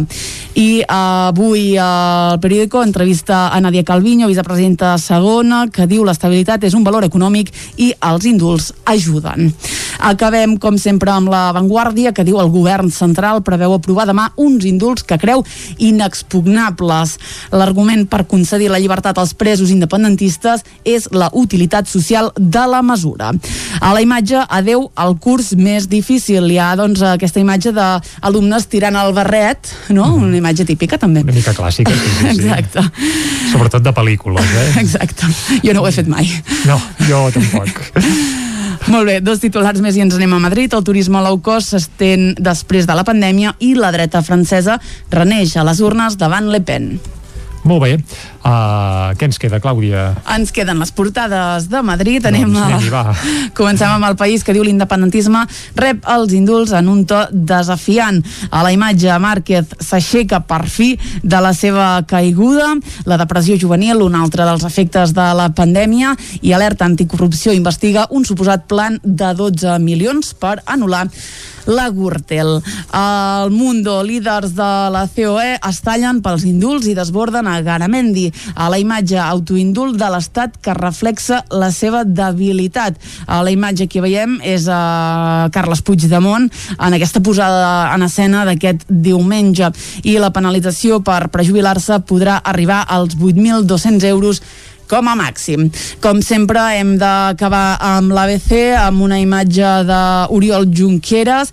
Diu Junqueras obre, obre unes uh, declaracions, o- eh? Ah, cometes, val. Exacte, declaracions de, de Junqueras.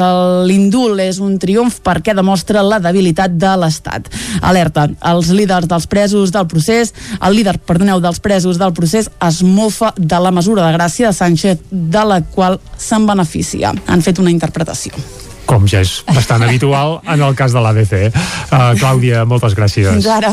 Molt bé, nosaltres ara res, seguim fent just un apunt del que diu la premsa esportiva, que som dilluns i sempre té un interès especial, i comencem per l'esportiu, que titula Sí a tot, amb una fotografia de Joan Laporta explicant que els socis del Barça donen la seva confiança a Joan Laporta i s'aprova el tancament de l'exercici tant de la temporada passada com el pressupost de l'actual i, a més a més, la concessió d'un crèdit de 525 milions que aviat és dit. També titulen una decepció immensa, fent referència al 0 a 2 ahir a Montilivi, que impedirà al Girona jugar a primera divisió, tot i que fa uns dies havia guanyat 1 a 2 al camp del Rayo i semblava que ho tenia tot de cara per això, per endur-se eh, bé, per pujar a primera. I finalment un titulet petit, Márquez torna, i és que ahir el campió el Tro de Cervera va tornar a guanyar una cursa després de pràcticament dos anys. I a més, un darrer apunt, el llei de llista suma el tercer títol seguit i és que va guanyar la, entre cometes, eh, l'UEFA d'hoquei patins, un títol que se li va escapar al Caldes, com hem sentit abans al butlletí informatiu. Uh, tanquem aquí el repàs de la premsa diària. Exacte, premsa diària tancada, tot i que només n'hem repassat un d'esportiu, però vaja, és el que ens agrada. Per tant, anem ara a parlar de música. Cada dia, fins a arribar al punt de les 10, us acostem alguna peça, alguna novetat d'aquelles que a nosaltres ens fan gràcia i esperem que vosaltres també. I avui tenim una novetat uh, d'aquelles bèsties, una cançó que podria ser tranquil·lament la cançó de l'estiu. És uh, la primera, anàvem a dir la primera, però seria la segona cançó pròpia d'un grup de versions de la Vall del Gès que es diuen Sixtus, però resulta que els Sixtus tenen a punt una espècie de reconversió similar a la que ja van fer els Buos uh, fa uns quants anys. Per què? Doncs perquè els Buos van començar sent un grup de versions i han acabat sent un grup de temes propis. Els Sixtus van començar sent un grup de versions i sembla que ara també es reconvertiran en un grup de temes propis. Així ho han avançat ells mateixos a les xarxes socials, explicant que aquesta propera tardor trauran el seu primer disc amb peces pròpies. I d'aquest primer disc n'han fet un avançament, que sempre és l'aire, i aquesta és la cançó que escoltarem avui, no sense abans recordar que l'estrena dels Sixtus fent cançons pròpies ja es va fer l'any passat amb una molt i molt celebrada oda a l'Oriol Mitjà. Segur que tots plegats us recordeu, aquell grup que va fer aquella cançoneta dedicada a l'Oriol Mitjà, que evidentment eh, l'any passat ens tenia, entre cometes, eh, tancats a casa i era una cançó d'amor i odi, eh? cap a l'Oriol eh, Mitjà explicaven allò com t'estimem però alhora ens has robat la primavera i al final part de l'estiu i tot perquè l'any passat és evident que sobretot pel que fa a cultura, a concerts i a festes doncs vam estar força minvats doncs això ho van traslladar a una cançó als Sixtus durant això, ara fa més d'un any ja una cançó que es deia Oda a l'Oriol Mitjà i van trobar el gust en això de fer peces pròpies i com que suposem que de feina en tenien poca perquè molts dels bolos que tenien lligats per l'estiu els, els van cancel·lar o se'ls hi van ajornar doncs van decidir començar a fer peces pròpies. Aquestes peces pròpies, com hem dit abans, es traslladaran en un primer disc que apareixerà aquesta propera tardor. I ara, avui, aquí, a Territori 17, el que farem és escoltar el primer single que n'han donat a conèixer d'aquest nou disc. És d'una cançó fantàstica que va acompanyada d'un videoclip també fantàstic, si podeu traieu-hi el cap i els ulls perquè val molt la pena i uh, això, ara us deixem amb aquesta peça. Sempre és l'aire, i ja us dic que si fos per mi això directament podria ser la cançó de l'estiu, sona així i a la tardor escoltarem el disc sencer d'aquesta gent de la Vall del Gès. Us deixem amb sempre és l'aire, tornem a les 10 aquí a Territori 17 Allunyant-me cada passa, enyorant cada record. M'he buscat tants cops, m'he perdut de nou. I algun dia trobat la llum. He seguit un nou camí una altra nit per omplir-me d'un nou aire, omplir-me el buit a dins. Sóc el riu sense aigua que ha canviat el seu destí i avui de nou em veig aquí però sempre és l'aire i és l'aire que ens enlaira sabem com continuar tot fent-nos el cor fort res no ens podrà aturar. Avui no hi haurà huracà que ens faci caure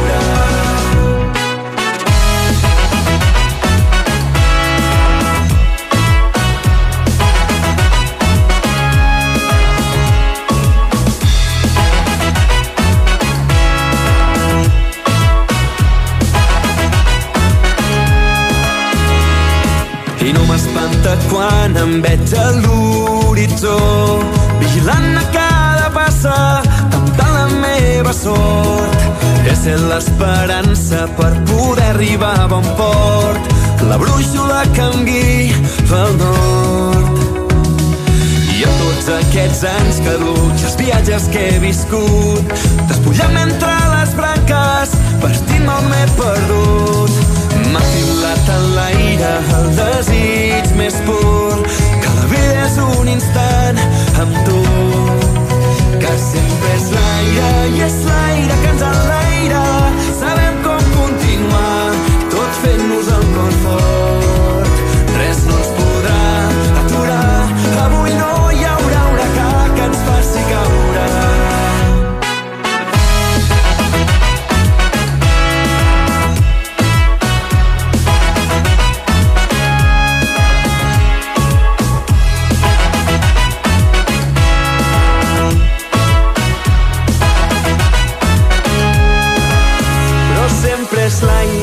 és l'aire que ens enlaira. Sabem com continuar tot fent-nos el cor fort. Res no ens podrà aturar. Avui no hi haurà huracà que ens faci caure. Que sempre és l'aire i és l'aire que ens enlaira. Sabem com continuar tot fent-nos cor fort. Res no ens podrà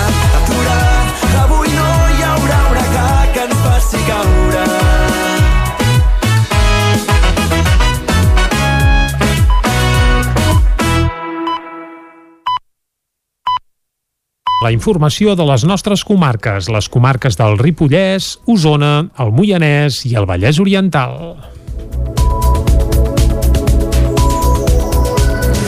Després de sis anys al consistori de Sant Hipòlit de Voltregà, el tinent d'alcalde i regidor de Medi Ambient i Salut Pública Hipòlit Serra abandonarà el càrrec el proper 5 de juliol. El primer tinent d'alcalde de Sant Hipòlit i líder de Som Voltregà, Hipòlit Serra, deixarà l'Ajuntament després de sis anys. Serra va presentar la renúncia motivada per la seva jubilació dilluns de la setmana passada i abandonarà els càrrecs el 5 de juliol. Sis anys al consistori marcats en un primer moment per l'1 d'octubre que el va portar a assumir l'alcaldia durant dos anys després de la moció de censura el socialista Xavier Vilamala i per la pandèmia el sentim tot té un punt final i, i per mi ja estava previst que fos aquest. Per tant, eh, era una data doncs, eh, que, que l'havíem marcat des d'un inici del mandat. Ha estat molt intensa, molt, molt convulsa, han passat moltes coses. Evidentment, com a, com a fets més importants doncs, podríem destacar el tema de, de l'1 d'octubre en, el, en el primer mandat i, i en aquest segon mandat evidentment doncs, la pandèmia ens ha, ens ha marcat i ens ha condicionat tot el, tota la feina doncs, eh, política que hi ha hagut en l'Ajuntament. Per tant, eh, bueno, ha sigut, eh, per mi ha sigut un, un honor, ha sigut un honor doncs, estar a l'Ajuntament i estic eh, molt, molt satisfet de la feina feta. El grup ja té clar el relleu. La primera tinença d'alcaldia l'ocuparà Marina Crous, actual regidora de Benestar Social i Participació Ciutadana. Qui el substituirà a la regidoria de Medi Ambient i Salut Pública serà el, el número 5 a la llista, Moisès Aguilar, qui serà el candidat de Som Voltregà a les eleccions del 2023. Per la part doncs, de portaveu de grup i la primera tinència d'alcaldia que tenim a l'Ajuntament l'ocuparà la Marina Crous, que és actual doncs, regidora de Benestar Social i Participació Ciutadana, i entrarà doncs, com a nou regidor en Moisès Aguilar que, que assumirà les meves regidories que són eh, Medi Ambient i Salut Pública amb en Moisès doncs, ja estem, ens estem reunint periòdicament amb la Marina i l'estem posant al dia, per tant doncs, també serà una entrada no, no diguem sobtada sinó que ja una mica preparada i ell també doncs, tindrà aquests dos anys per, per foguejar-se i per, per aprendre i per formar-se per de cara doncs, a les pròximes eleccions poder-se presentar també. Serra marxa amb un balanç positiu de l'acord de govern amb Junts per Catalunya i la CUP. El que no ha millorat, diu, és la relació de Sant Hipòlit amb les Masies de Voltregà. Una relació que espera que arribi a bon port amb la seva renúncia, ara que tampoc hi haurà al capdavant de les Masies Sergi Vilamala. Vigues i Riells instal·la parquímetres per regular l'accés als gorgs de Riells del Fai. Caral Campàs, des d'Ona Codinenca. L'entorn natural del riu Tenes rep cada vegada més visitants. L'estiu passat, arran de les restriccions de mobilitat i l'augment del turisme de proximitat, els gorgs de Riells del FAI van ser protagonistes de moltes aglomeracions de persones. Per tot plegat, l'Ajuntament, coincidint amb la rebella de Sant Joan, ha aplicat aquesta setmana una nova regulació als gorgs de Riells. S'han instal·lat dos parquímetres, un a l'aparcament de mossèn Jaume Plans i un altre a l'aparcament de Via Plana. L'objectiu és evitar la massificació de turistes i preservar l'entorn natural. Sentim Jesús Cano, regidor de Medi Ambient.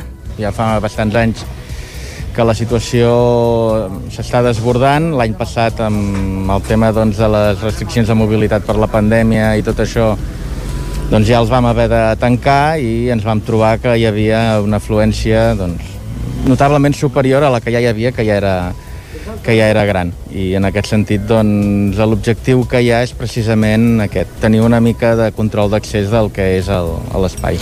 Aquesta mesura busca regular els estacionaments dels vehicles de les persones que van a visitar els gorgs en els períodes estivals. És per això que només són els visitants els que hauran de pagar una taxa de 3 euros. En cas de no pagar la taxa, s'aplicarà una sanció de 26 euros i les persones residents que paguen l'impost de circulació al municipi estaran exempts de pagar aquesta taxa. Jesús Cano. Bueno, hauràs d'introduir la, la matrícula llavors bé, el sistema ja detectarà si és un cotxe doncs, que paga l'impost de circulació en el municipi o no llavors doncs, eh, hi haurà una quota a pagar que és de 3 euros, és tarifa plana i eh, bé, el marge temporal és de 8 del matí a 8 del vespre llavors els, la gent del municipi doncs, no pagarà i els visitants doncs, seran aquests aquests 3 euros. Tots els vehicles que hi estacionin hauran de dur el tiquet, encara que es tracti de persones residents al municipi. L'estacionament només serà de pagament durant l'estiu.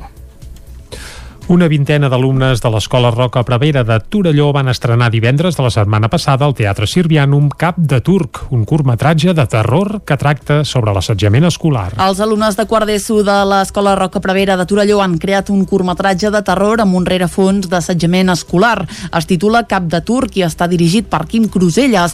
La història, ambientada en els anys 80 a l'escola, l'han escrit els joves, ho explica Cruselles. Varen escriure la història d'una festa, que en aquesta festa hi ha un nen, el Miquel, que pateix té asma i els altres nens doncs, el, es fiquen amb ell molt sovint.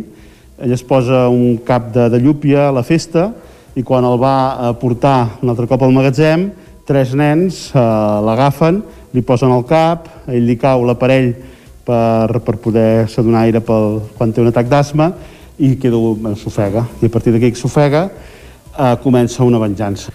El projecte es va iniciar el curs passat de, des de les assignatures de Llengua i d'Arts Visuals i Plàstiques. Fina Ferrés és la cap d'estudis de secundària a l'Escola Roca Prevera. Des de l'àrea de llengua volíem treballar el guió, el guió cinematogràfic, i vam dir, ostres, seria molt xulo poder fer una, una pel·lícula amb els nanos, no? Vam estar parlant amb la Montse, la professora d'IBIP, dels alumnes, i bueno, vam començar a pensar una mica com ho podíem organitzar, no? perquè podia ser un projecte on hi hauria doncs, eh, tota la part plàstica, vestuari, eh, evidentment la part de llengua per fer el guió i el projecte ens semblava molt complet. No?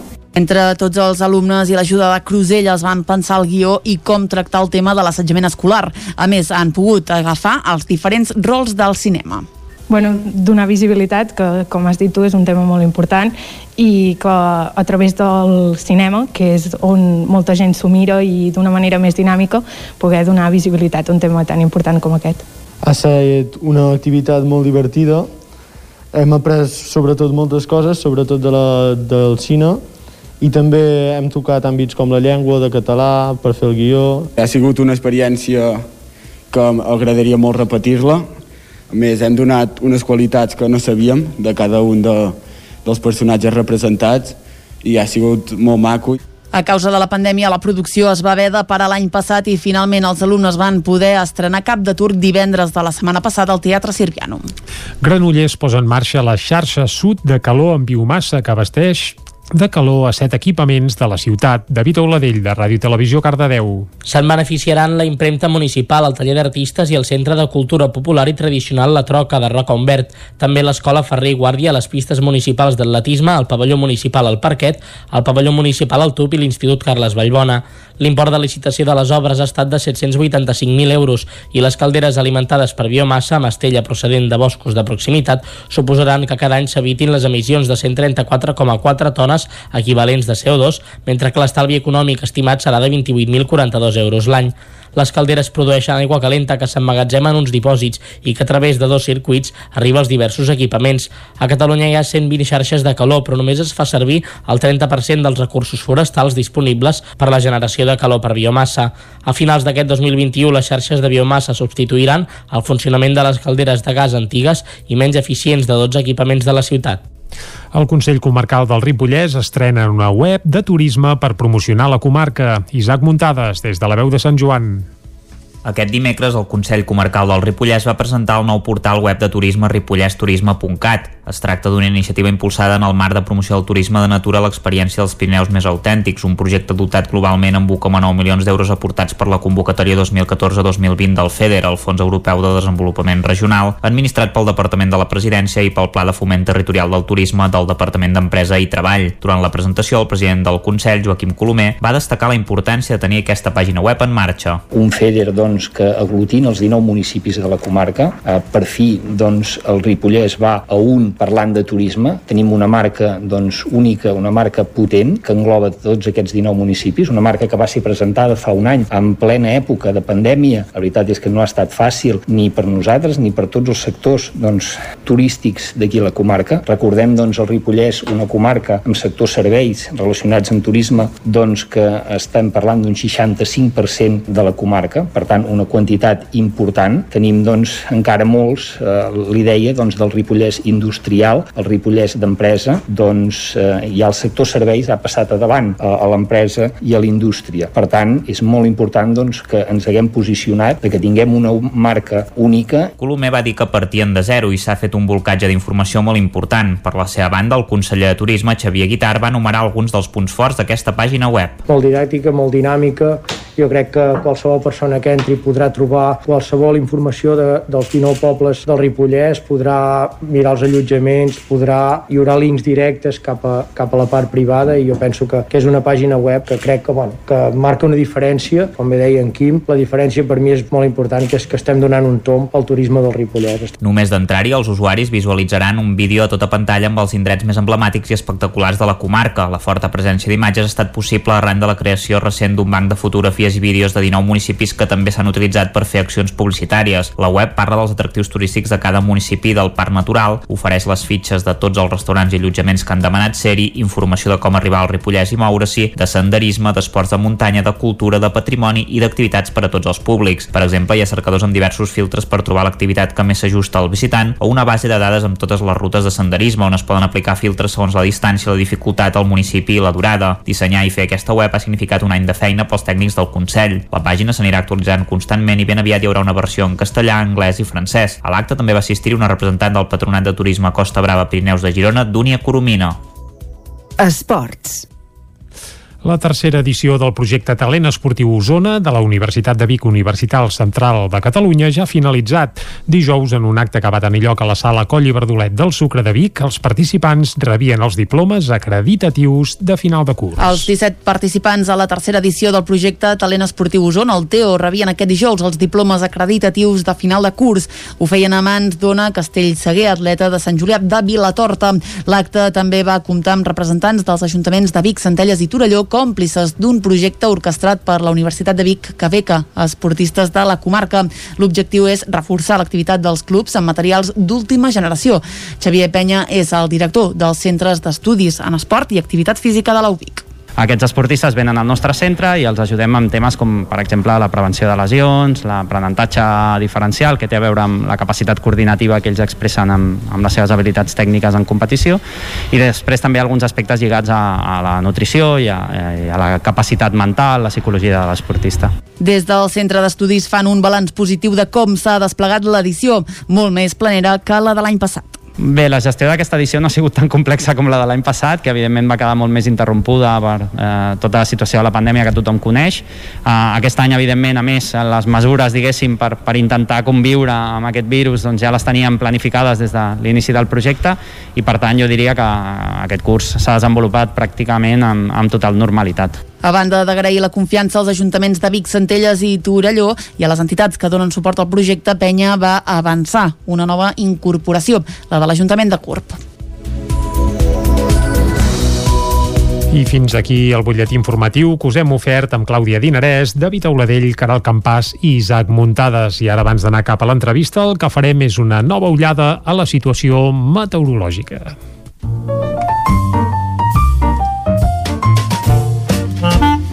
Casa Terradellos us ofereix el temps. I per parlar del temps saludem altra vegada en Pep Acosta. Molt bon dia de nou, Pep. Hola, molt bon dia, molt bon dilluns, molt bon inici de setmana a tothom. Espero que hàgiu passat un gran cap de setmana. I tant. Avui, sense cap mena de dubtes, la notícia més destacada és que a les 5 i 32 ha començat l'estiu. Aquest any és l'estació més llarga, durarà 93 dies i 15 hores, és a dir, fins al 22 de setembre d'aquest 2021. I ara anem pel futur ja, perquè avui serà un dia molt tranquil, amb poc moment meteorològic.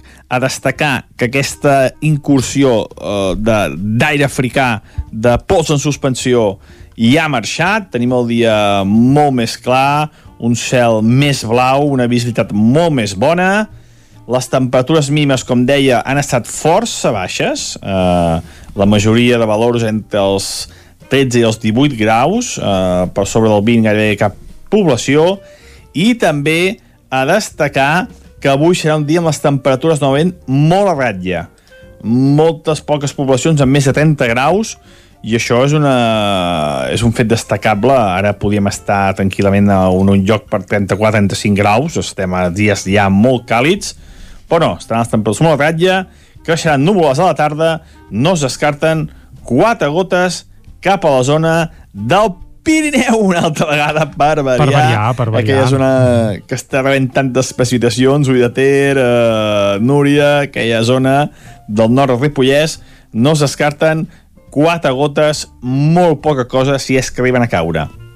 Sembla que els pròxims dies les tempestes i els ruixats aniran a més, però ja anirem veient com va tot. Moltes gràcies, molt bona setmana i molt bon estiu 2021. Bon dia, adeu. Vinga, moltes gràcies, Pep. Bon estiu també i bona setmana, evidentment. I nosaltres ara el que farem és anar cap a l'entrevista. Casa Tarradellas us ha ofert aquest espai. Territori 17. Envia'ns les teves notes de veu per WhatsApp al 646 079 023. 646 079 023. WhatsApp Territori 17.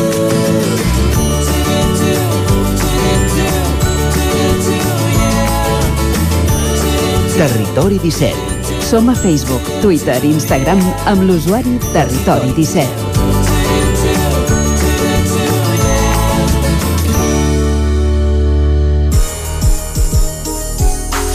Passa un minut d'un quart d'onze del matí, seguim en directe aquí a Territori 17. Avui hem obert el primer bloc informatiu parlant de l'accident d'una moto que va col·lisionar amb un cotxe que estava variat la matinada d'aquest dissabte a la carretera que va de Vic a Manlleu. Aquest accident s'afegeix al que hi va haver mortal, també en moto, produït el cap de setmana passat a la C59. I per parlar precisament de la C59 anem cap a Ona Codinenca amb la Caral Campàs. Caral, molt bon dia. Bon dia, Jordi. Do, doncs sí, balanç negre de, dels últims dies a les carreteres de cobertura d'aquí, del territori 17. I avui a l'espai d'entrevista ens volem centrar a parlar de la C59, que és la carretera, el vèrtex que uneix el Moianès amb Osona al nord i el Vallès Oriental al sud. L'accident produït la nit de dissabte passat s'hi va veure implicada una moto amb la mort del seu conductor a causa d'un senglar. Eh, bé, la seguretat d'aquesta via, on conflueix protegeix fauna salvatge és una qüestió llargament reivindicada des de la plataforma C59 Segura. I per parlar-ne tenim a Jordi Tarradellas de la plataforma. Bon dia, Jordi.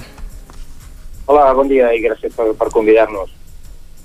De res. Eh, fa mesos que heu iniciat aquesta plataforma, des d'on reivindiqueu la necessitat de reforma de la C59. Quines són les vostres peticions concretes? Bé, de fet, el, la plataforma de C59 Segura és un, un col·lectiu de persones eh, doncs, decidits a, a, a donar visibilitat sobre aquesta problemàtica de la C59. Veiem sovint aquest degoteig de, de notícies, d'accidents, eh, els, quals doncs, ens hem de lamentar cada vegada, sabem de, del drama que representa eh, darrere de cada víctima, de cada, de cada accident, i, i estem, estem disposats a, eh, i, així, i així vam començar a fer-ho ja fa més d'un any, a donar visibilitat d'aquesta problemàtica i sobretot a, a, a demanar a les administracions doncs, que compleixin el, el seu deure de garantir aquesta seguretat de tots els, de tots els usuaris de la via i de tots els habitants doncs, de, del Moianès, del Vallès Oriental i de tots els usuaris, com deia, d'aquesta via.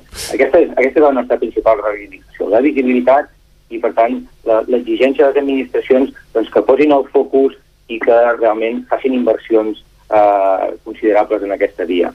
En el cas de l'últim accident, que va ser provocat per un senglar, eh, pel que fa a la fauna salvatge, quina seria la millor opció per tal d'evitar que hi hagi creuaments precisament d'aquest tipus d'animals a la via? Com es podria arreglar això?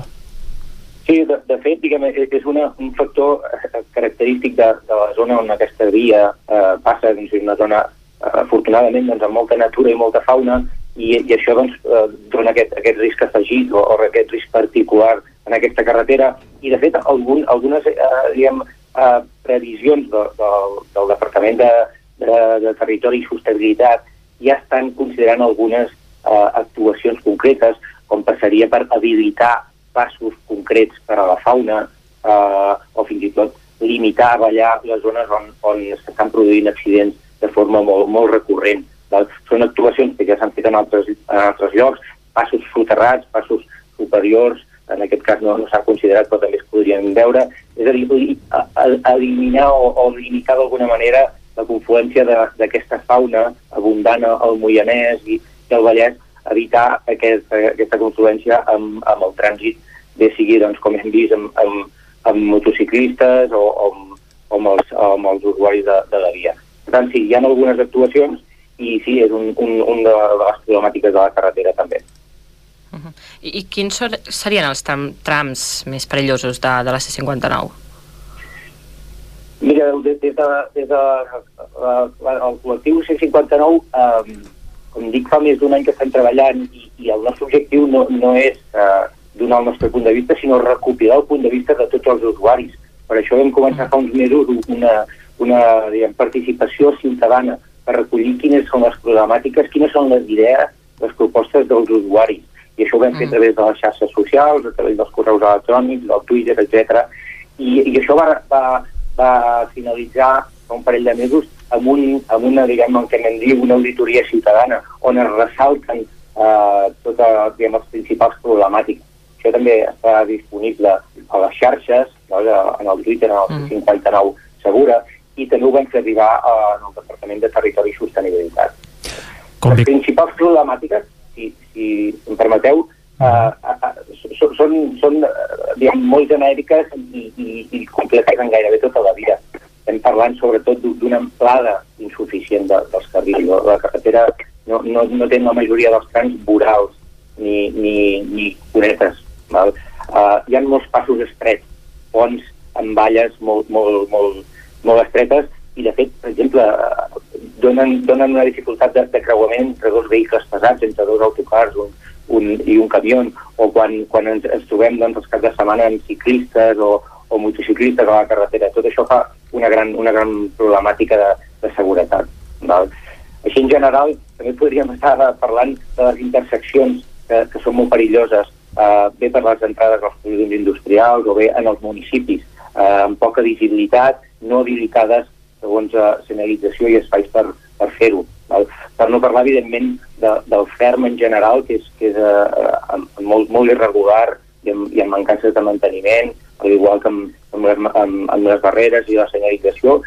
I un altre punt molt important, ja, ja no, no parlem només dels, dels usuaris, sinó de, dels ciutadans de la zona, no? les travesseres dels municipis, a Sant Feliu, a Mollà, a Castellterçol, molt sovint eh, hem vist i crec que, que tots també des de les xarxes o, o com, a, com a conductors o, o, o ciutadans hem vist eh, situacions de risc, situacions que a vegades poden semblar fins i tot còmiques, però que, que hi, ha, hi ha una situació molt, molt alta de risc pels, pels conductors, evidentment, una incomoditat, unes esperes i fins i tot doncs, la seguretat de, de tota la gent que, que viu en aquests pobles i que utilitza la carretera. Mm -hmm. Jordi, com bé ens has dit, sí que us heu reunit ja alguna vegada amb representants del Departament de Territori de la Generalitat per exposar-los a aquesta problemàtica i no sé quin balanç feu d'aquestes trobades i si heu arribat o heu, te, heu obtingut algun compromís per part seva de, bé, això, de que s'accelerin algunes de les actuacions que s'haurien de fer a la via.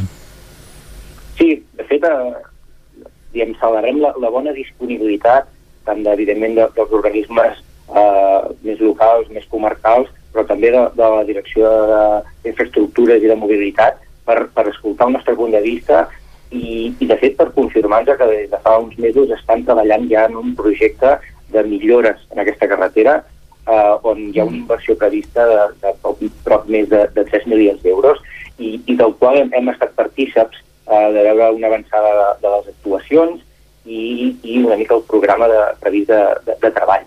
Val? I per tant, celebrem que hi hagi aquest, aquest, ja aquest focus de, de la Generalitat en la carretera, coneixedors també de les mancances que hi ha, però per altra banda eh, seguim insistint les actuacions eh, per ara, ara per ara encara no estan executades les que estan previstes eh, són encara insuficients, no, resoldran, no resolen aquests punts que us comentava de, de l'amplada de la carretera, de les interseccions, de les travesseres dels pobles. És, podríem dir, una, una rentada de cara, és una millora del ferm, una millora de la senyalització i de les cunetes, però no resolen encara tota aquesta heterogeneïtat de, de, que, que té aquesta carretera on amb actuacions en alguns llocs s'han fet, altres estan molt mancades. Per tant, eh, totalment insuficients encara la, la previsió, hi ha molta feina per fer per, per, des, de, des, de, des, de, des de la plataforma ho seguirem fent, però l'administració i, el, i els departaments involucrats i les direccions involucrades tenen encara molta, molta inversió per poder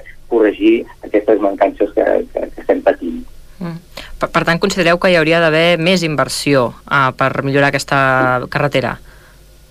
Sens dubte, diguem, i de fet el nostre focus no, no és només inversió, evidentment és, és el pas necessari per poder resoldre el que us deia, el, el, que, el que puguin creuar-se dos autocars tranquil·lament o, o de forma normal sense haver-se de parar en la carretera, que, que els passos a, a les travesseres dels pobles pues, es puguin fer també d'una forma còmoda i segura i, i que, que, que no haguem d'escoltar de, de, aquestes notícies que cada setmana, cada cap de setmana sentim doncs, d'accidents, de problemàtiques, de la carretera tallada, de dependents d'una ambulància, a, evitar aquestes, aquestes notícies tan, que tan sovint doncs, hem, hem de sentir. Aquest és, aquest és l'objectiu i això passa per, per una inversió sostinguda perquè hi ha eh, diguem, reformes estructurals en aquesta carretera després de tants anys de falta d'inversió que, que és el que eh, veiem imprescindible per poder eh, tenir això, una carretera C59 segura com, com no tenim ara mateix. Uh, Jordi, ja per acabar, heu impulsat algunes campanyes de recollida de signatures per donar visibilitat i fer pressió a les institucions. No sé si properament teniu previst alguna acció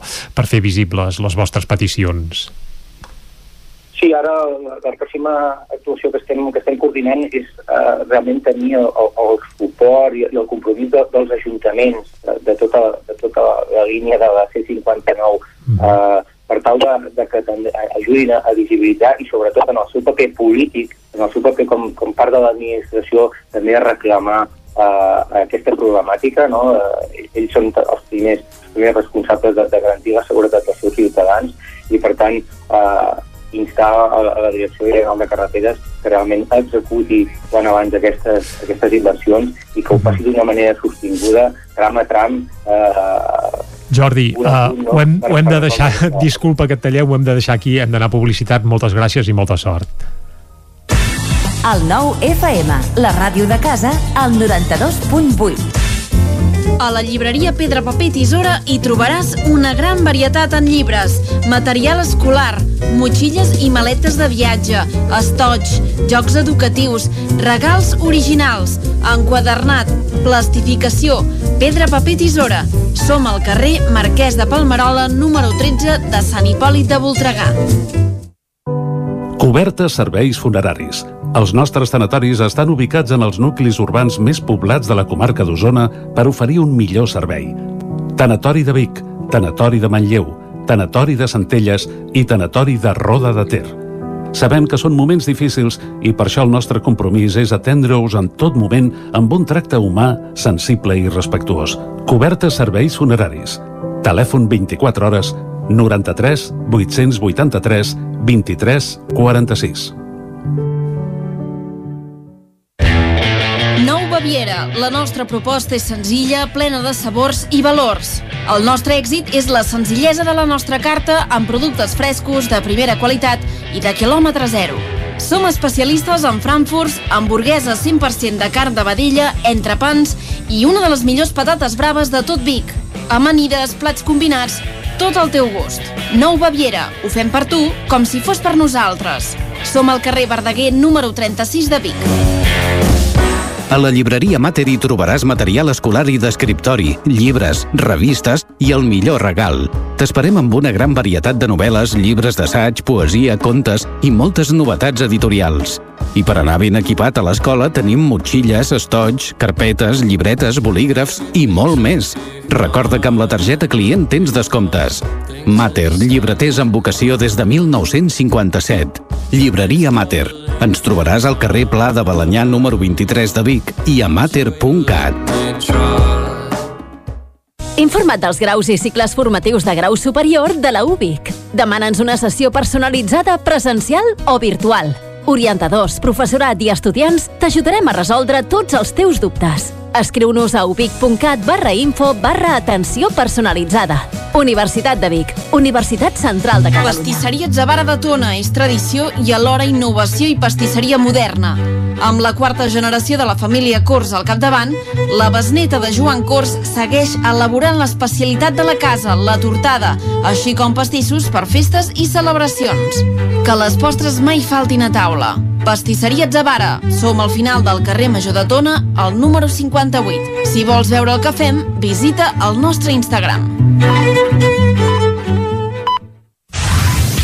El nou FM, el nou FM, el nou FM. Territori 17. Dos quarts d'onze del matí, som a l'equador del territori 17 d'avui i quan arribem a l'equador arriba l'hora també de fer un recull a les piulades i per això ja tenim la Clàudia Dinarès a punt de nou. Clàudia, bon dia. Molt bon dia de nou. Què es cou ara mateix per Twitter? Uh, doncs, uh, Jordi, hi ha dos temes que bullen uh, a Twitter uh, i són molt evidents. Un és el Girona i l'altre són els petards. Ostres, el Girona, pobre, sí, quina Clar. decepció. En parlarem a la part final del territori 17 d'avui a la tertúlia esportiva, però sap greu, eh? Sap molt greu. Uh -huh. Aquí també en parlarem perquè la gent ha opinat molt a les xarxes. Uh, ho ha fet en Guillem Freixa, periodista del 9-9, uh, que deia el que fa el Rayo des que té el 0 a 2 és el que hauria d'haver fet el Girona des del primer minut. No jugar absolutament a res ni deixar fer-ho. Però a Montilivi sempre ha faltat picaresca. Repasseu la història recent. Uh, llavors va comentar més parts de, del partit. Uh -huh. uh, molt malament, en Guillem Freixa Està, decepcionat, està decepcionat, eh? És mig gironí, eh? Cal dir-ho, que porta el Exacte. Girona al cor, també. Sí, sí. Totalment.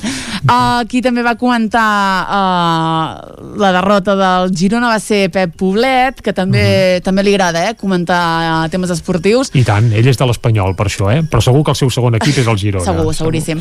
Uh, I deia, Girona, Rayo. Si això és esport, que vingui algú i em convenci. Cada cop més allunyat del futbol. Hashtag, bona nit.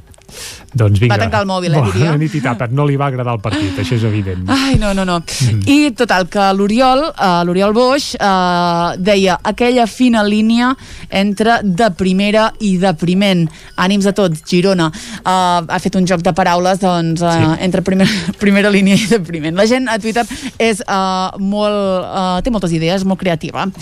En fi, aquest era el primer tema que us portava, ja us he comentat que avui parlàvem del Girona, però també hem de parlar de petards, perquè uh, ja veiem, ja olorem a la Rebella de Sant Joan. Bé, més colorals a sentim, eh, també, Exacte. cas d'endena, Sí. alguns... Exacte. Vaja.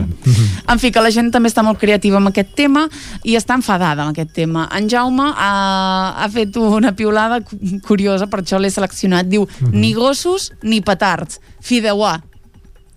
Bé, contra pues està gustos. Bé, doncs està bé, doncs està bé. Està bé, fideuà. Uh, en fi, en Jordi Ramolins, que és un, és un tuitaire important i que ens agrada molt comentar tots els seus tuits, diu els putos petards constaten que els humans estem condemnats a l'extinció i diu que sigui ràpid. I la Mar Jiménez, que uh, està un punt més enfadada que en Jordi i en Jaume, diu hi ha poques coses pitjors uh, que la gent que tira petards el dia de Sant Joan. Una d'elles és la gent que els tira abans del dia 23, que és uh, en aquest escenari on ens trobem exactament ara. Abans i després, sí, Exacte. sí. I la Mar eh, dona una idea. Ser un lloc on, es, on, els, on, on us, els podeu fotre. Hi ha molt bona sonoritat. I no cal que entrem en gaire detalls, No. però m'imagino... Ah, Bé, està. cadascú que des de casa pensi el que vulgui. Exacte. Molt bé. doncs això és tot. Doncs, Clàudia, moltes gràcies per aquest recull, avui centrat amb el Girona i també amb els petards. I ara el que farem, abans d'anar cap a la taula de redacció, és una ullada al que diuen ara mateix les portades del 99.cat. En l'edició d'Osona i el Ripollès obren explicant que s'aixeca la limitació temporal de velocitat al túnel de Toses, un túnel pel tren, eh? I ara els trens hi poden circular ja a 100 km per hora. Uh, bé, sembla que, per tant, uh, si més no, és possible que algun tren arribi puntual més enllà de Ribes de Freser i fins a Puigcerdà, ja que la velocitat pel túnel de Toses doncs, s'amplia. Hi havia una restricció des que el havien reobert a causa d'unes obres que, per cert, el van mantenir tancat més d'un any. Eh? A l'edició també d'Osona i el Ripollès trobem que un llamp parteix per la meitat una gran sequoia a Sant Joan de les Abadesses, això va ser aquest cap de setmana arran del temporal, i també s'explica que a Osona i el Ripollès hi ha 14 municipis en risc crític de despoblament. Anem ara cap a l'edició del Vallès Oriental, del 99.cat, que obre explicant que condemnen a una pena de multa el regidor de Vallromanes jutjat per assetjar la seva exparella. També expliquen que la firma de comerç electrònic Carathi projecta créixer un 30% i que el nombre d'usuaris de Càritas va augmentar l'any 2000 a causa de la pandèmia. També que el 70% dels diners que sostenen l'acció social del Xipre venen d'aportacions de la societat civil, de donatius de gent i empreses particulars. I amb aquest recull a les portades del 99.cat i piulades tanquem ara aquí aquest bloc i ens n'anem cap a la taula de redacció. Anem-hi.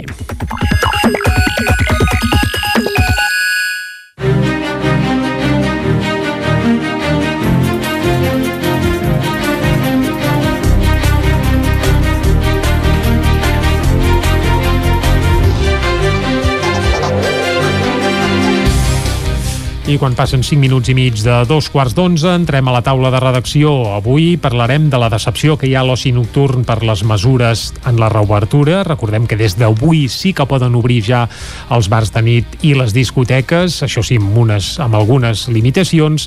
I també parlarem de la nova alcaldessa de les Masies de Voltregà. No hi ha hagut sorpresa i Verònica Ruiz és qui ha agafat el testimoni de Sergi Vilamala. D'això en parlarem d'aquí una estona, però primer de tot comencem parlant d'aquesta decepció que hi ha al sector de l'oci nocturn, perquè tot i que poden reobrir, Arnau Jaumira no acaben d'estar satisfets amb la bé, amb l'obligació de consumir, per exemple, assegut i, a més a més, amb mantenir la distància de seguretat a la pista. Per tant, allò de rambar el personal sembla que de moment haurà d'esperar, tot i que sí que es pot ballar, em sembla, eh?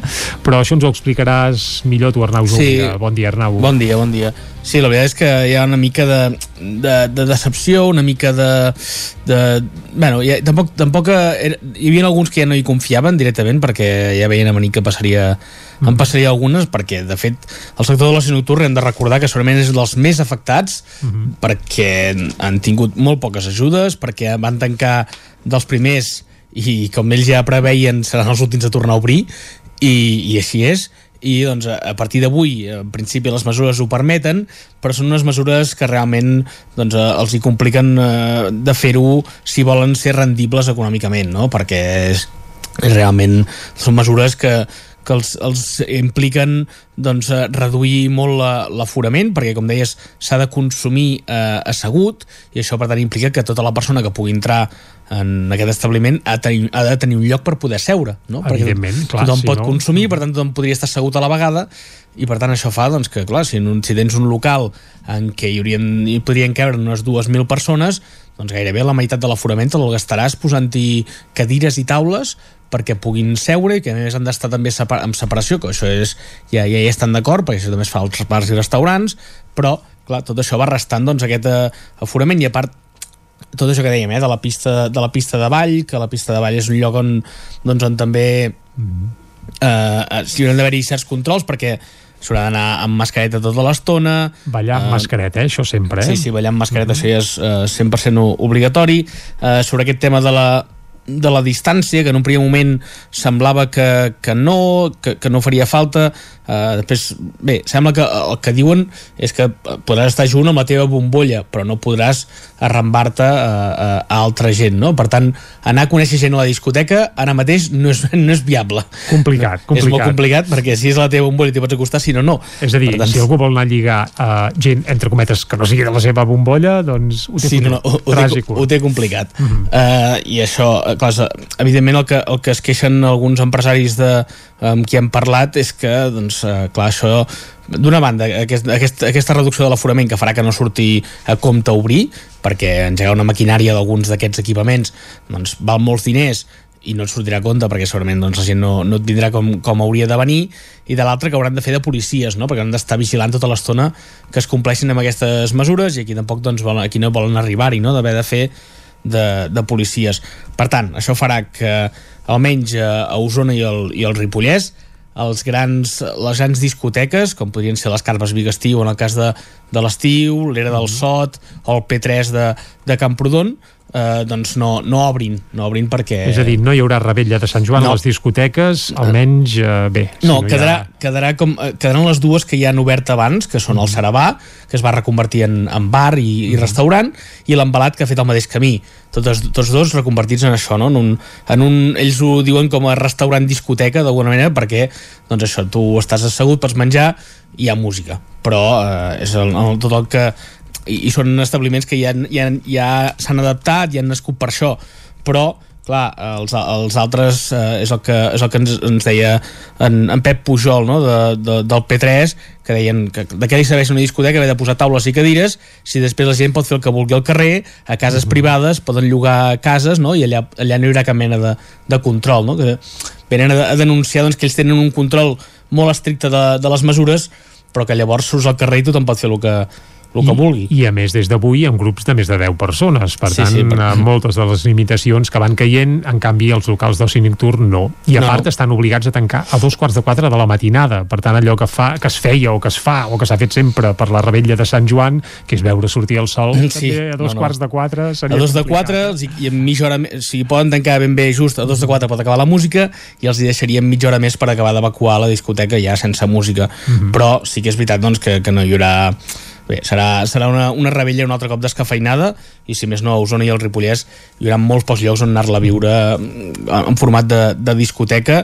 Alguns eh, ara esperen això, aquestes mesures han dit que seran revisables d'aquí 15 dies. Mhm. per tant estaran tots alerta de veure si en alguna d'aquestes decau i llavors poden plantejar-s'ho realment d'obrir Doncs Arnau, moltes gràcies i ara el que farem és saber si la Txell Vilamala anirà de rebella de Sant Joan a discoteques, a bars, o s'ho farà a casa Txell, com ho farem això? Encara m'ho estic pensant, eh, què faré exactament, però a la discoteca segur, segur que no hi vaig ni que l'obrin. Perquè a dos de quatre és molt d'hora, eh? És massa d'hora per Molt d'hora, molt d'hora. Molt bé, però amb la Txell Vilamala no parlarem d'oci nocturn, sinó que volem parlar de la Verònica Ruiz, que és formalment ja eh, la nova alcaldessa de les Masies de Voltregà. No hi va haver sorpreses, estava tot ja al sac i ben lligat, diguem-ne, però sí que ara es pot afirmar que Sergi Vilamala ara sí que ja ha deixat definitivament l'alcaldia de Masies de Voltregà, oi? Sí, exacte. Després de 17 anys amb Sergi Vilamal al capdavant del consistori, eh, divendres passat a la tarda hi va haver el ple d'investidura de la nova alcaldessa, la Verònica Ruiz, com bé deies, eh, que de fet ja té molta experiència a l'Ajuntament perquè hi va entrar el mandat passat, eh, llavors uh -huh. amb regidories de menys pes que les que ha tingut aquest últim mandat, però sí que és veritat que aquests dos anys ja ha sigut la mà dreta de Sergi Vilamala i de fet ella tenia una dedicació a l'Ajuntament del 75% eh, i ja coordinava moltes de les àrees. Per tant, s'hi dedicava més que el propi alcalde, ja. A més a més, que també és la persona que està, diguem, al capdavant d'aquest acord de govern entre Sumem eh, i Junts per Cat, aquest acord de govern que hi ha a les Masies de Voltregà, per tant, és com la frontissa entre els dos grups, per tant, ja tenia un paper destacat que ara acaba d'agafar encara més protagonisme amb, amb el fet de passar a ser l'alcaldessa. Com bé deies, en el ple de divendres no hi va haver sorpreses. Uh, de fet, la senyora Ruiz sabia que tenia garantits 9 vots dels 11 regidors mm. del consistori. Aquests 9 vots són els de Sumem i els de Junts per Cat, que com comentàvem governen plegats, i llavors uh, Som Voltregà i la CUP el que van fer van ser uh, vots en blanc, però de tota manera amb, 9, amb un 9 a 2... Però vaja, no va tenir no va vots haver... contraris tampoc, no, eh? és a dir, no, no van votar que no, ni es van votar ells, per exemple, com a alcalde, sinó que es van uh, abstenir, vaja, van votar en blanc. No, i la votació, diguem, la va superar sense despentinar-se. Uh -huh. Valga... Sí, havia anat a la perruqueria abans. això no ho sé, uh, però és veritat que no va haver de patir uh -huh. uh, i el ple això va ser una bassa d'oli en el sentit també hi havia bastant protagonisme del PSC i vam veure, per exemple, l'exministre Salvador Illa, ara cap del PSC al Parlament, també Carai, cap de Salvador Illa va ser a Masies? També hi havia -huh. l'alcalde de Centelles, el senyor Josep Paré, uh -huh. uh, i altres personalitats del PSC, eh, la diputada manlleuenca Marta Moreta. Llavors també hi vam veure la Rosa Vestit, eh, que s'havia estrenat justament uh -huh. aquell dia com a delegada del govern de la, la Generalitat de la Catalunya Central. Diria que devia ser el seu primer acte públic, perquè just havia rebut al matí, diguem, havien fet traspàs amb l'exdelegada Alba Camps i el ple va anar com havia d'anar.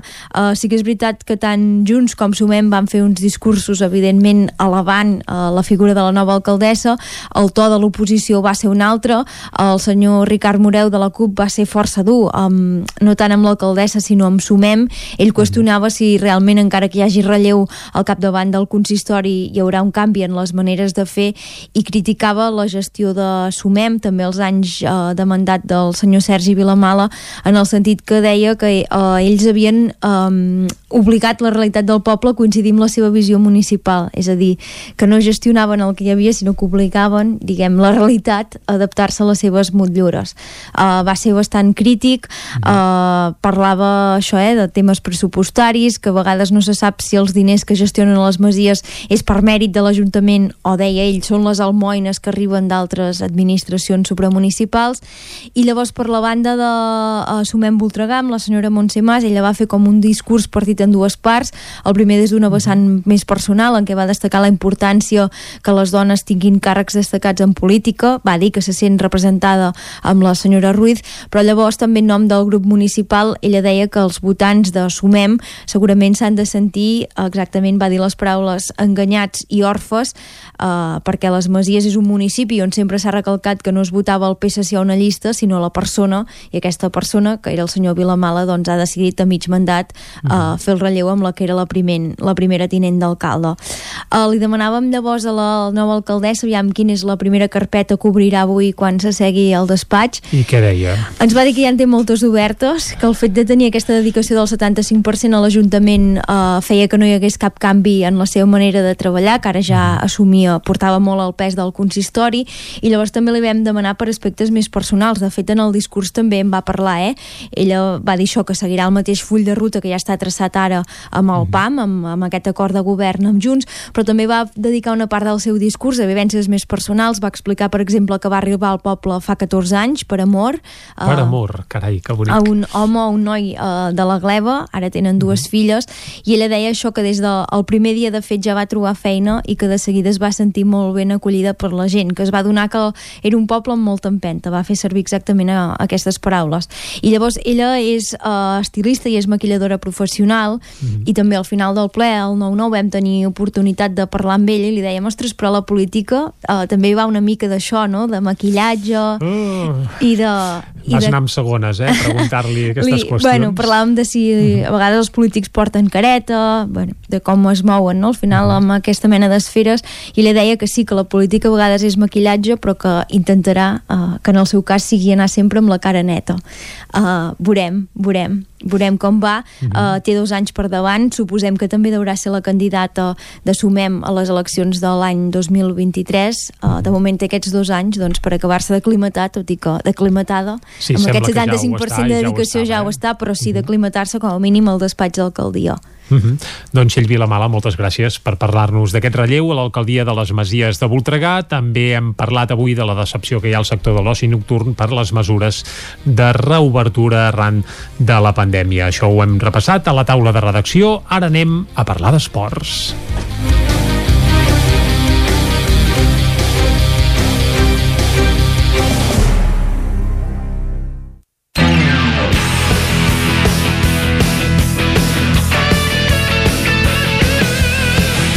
I quan passen dos minuts i mig de tres quarts d'onze del matí, seguim en directe aquí a Territori 17 i ara ho farem parlant d'esports i parlarem de com els ha anat esportivament parlant el cap de setmana els principals equips del nostre territori. Com sempre, fem un recorregut a les diferents emissores de Territori 17 i avui comencem anant cap a Ràdio Cardedeu amb l'Òscar Muñoz. Òscar, molt bon dia.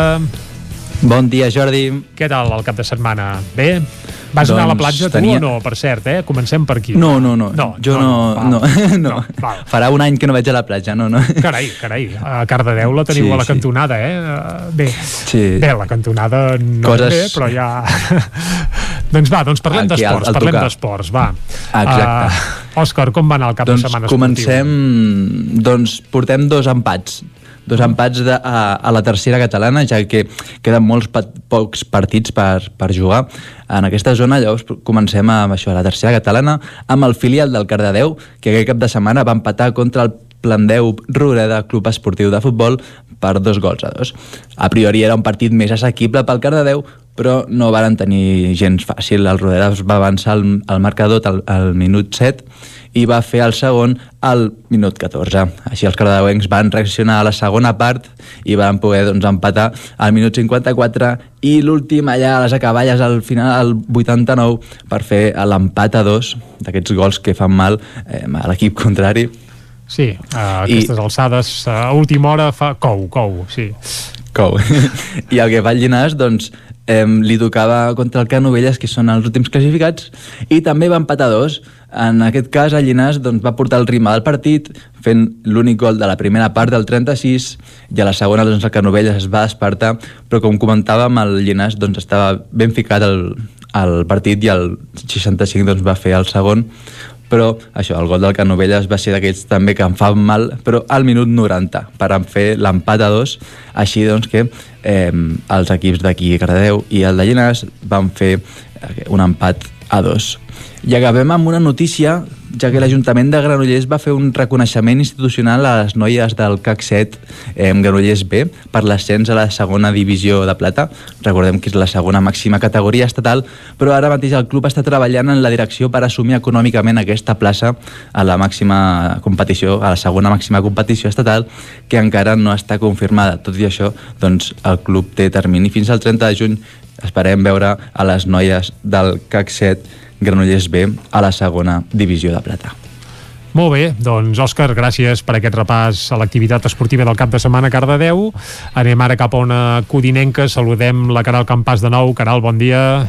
Hola, bon dia. Vas anar a la platgeta tu aquest cap de setmana o què? Mira, jo sí, Tu sí, dissabte. molt vaig ben anar... fet. Clar que sí. Vaig anar a Sitges dissabte, una Carai. mica lluny de casa, però, però sí, sí, sí, vaig aprofitar, tot i que va ploure una miqueta, però bé, els dies de platja amb, amb núvols estan, estan força bé. Oh, tant, i si són en pluja encara més, perquè tant és mullar-se dins com a fora. Vull dir que si fa una mica de caloreta va bé i tot, potser. Mhm. Uh, molt bé, però va, parlem d'esports també. Com ha anat el cap de setmana? Ja sabem que el Caldes d'hoquei patins potser no del tot bé, eh?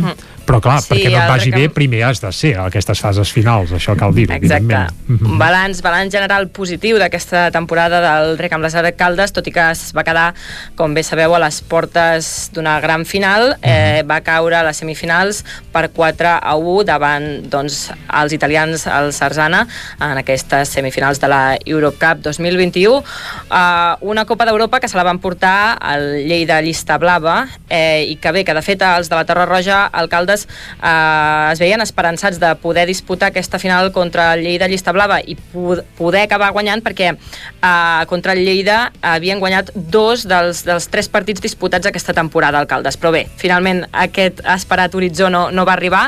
Uh, la Copa, doncs, se la va...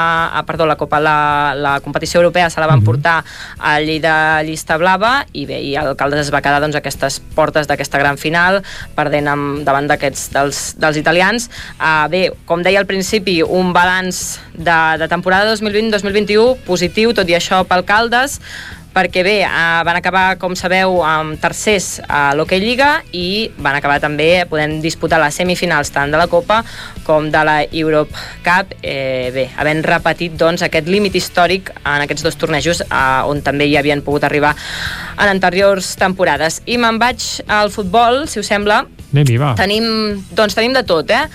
El Sant Feliu de Cúdines va ser derrotat per l'Olímpic La Garriga per 2 a 0 eh, i bé, els garriguencs deixen així el Sant Feliu sense opcions descens, un Sant Feliu que està al número 3 de la classificació en aquest grup eh, 5 de tercera catalana. Eh, el partit del Sant Feliu contra l'Olímpic La Garriga es va decidir durant, durant l'últim quart d'hora de, del maig, quan, quan va ser l'Olímpic qui va marcar aquests dos únics gols, en un xut de falta directa al 79 eh, i una contra al 86. Eh, bé, amb el Sant Feliu abocat a l'atac, però no va poder doncs, solventar aquests dos, dos gols que van sentenciar el partit. Ara doncs, el Sant Feliu el tenim al número 3 de la classificació amb 31 punts.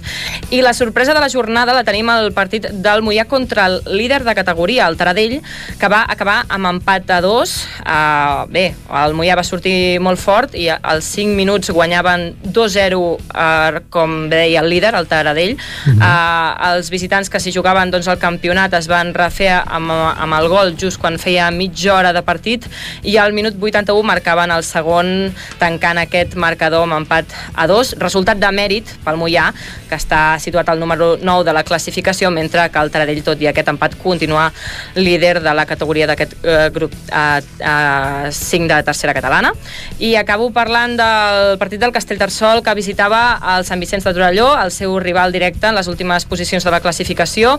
Els del Moianès es van imposar per 1 a 3, una primera part on els locals guanyaven doncs, per la mínima, però a la segona meitat es van canviar les tornes i el Castellterçol es va imposar amb molta facilitat, sumant així 3 punts que els allunyen de les últimes posicions, facilitant la seva permanència a aquest grup 5 de tercera catalana.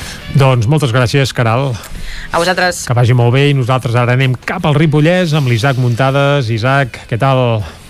Bon dia, Jordi. Com va anar el cap de setmana? Tu vas anar a la platja o no?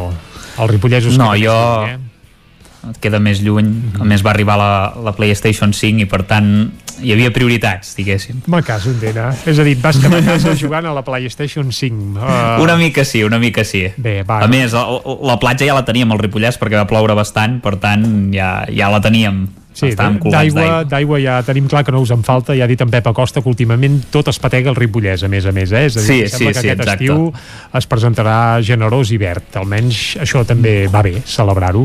I, escolta, no parlem de precipitacions, no parlem tampoc de Playstations, parlem de com va anar el cap de setmana esportiu pels equips d'aquí al Ripollès i per on comencem aquest repàs, Isaac? Doncs mira, eh, farem el, el futbol, que bàsicament és l'únic que hi va haver i no va anar gaire bé, de fet, molt males notícies eh, perquè en el grup d'on la Badesenc aspirava a ser campió, el grup 18 de la tercera catalana, doncs eh, ja no ho serà perquè l'Unió Girona doncs, va aconseguir guanyar el seu partit i la Badesenc en canvi el va perdre, va perdre sorprenentment per 3 a 2 al camp del Gironès Sàbat, que era de, un dels últims classificats Uh -huh. i tot i que va perdre 3 a 2 doncs eh, al principi doncs, eh, la situació encara era molt pitjor perquè anaven 3 a 0 i va estar a punt de, de remuntar però no, no, no, li va, no va poder aconseguir-ho i per tant doncs, eh, eh, un any més haurà de jugar doncs, a la tercera ca catalana uh -huh. de fet els gironins com deia, com que s'hi jugaven la permanència van sortir molt forts i van fer un doblet d'Ivan a, a la primera part. El primer gol només de, de començar va arribar després de finalitzar un contraatac i el segon en una errada de la,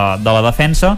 I al minut 50 van fer el 3-0 en finalitzar doncs, una, una bona uh, combinació. I amb aquest resultat semblava que la Badesenga baixaria els braços però sí que va reaccionar.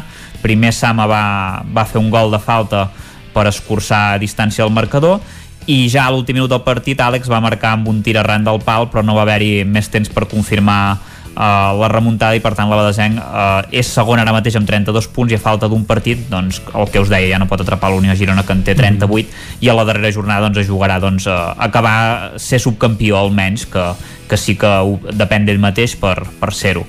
Uh, i el Can de Bànol que va jugar amb un equip farcit de juvenils i va plantar cara al Sant Pons però va perdre per 3 a 1 uh, de fet a la mitja part uh, ho feia per 1 a 0 tot i que va, va fer una bona primera part però no, no, no va aconseguir marcar i els locals sí, amb un gol d'Alejo després d'una sèrie de, de rebots uh, dins de l'àrea el segon gol va fer Tariq en aprofitar doncs, un, un mal refús. A 5 minuts del final Oriol Pérez es va estrenar amb la samarreta al de Bànol amb un xut arran de pal després de guanyar l'esquena de defensa i a l'últim minut de, de partit amb el Bànol volcat a l'atac per, per intentar doncs, empatar i Youssef va, va fer el tercer.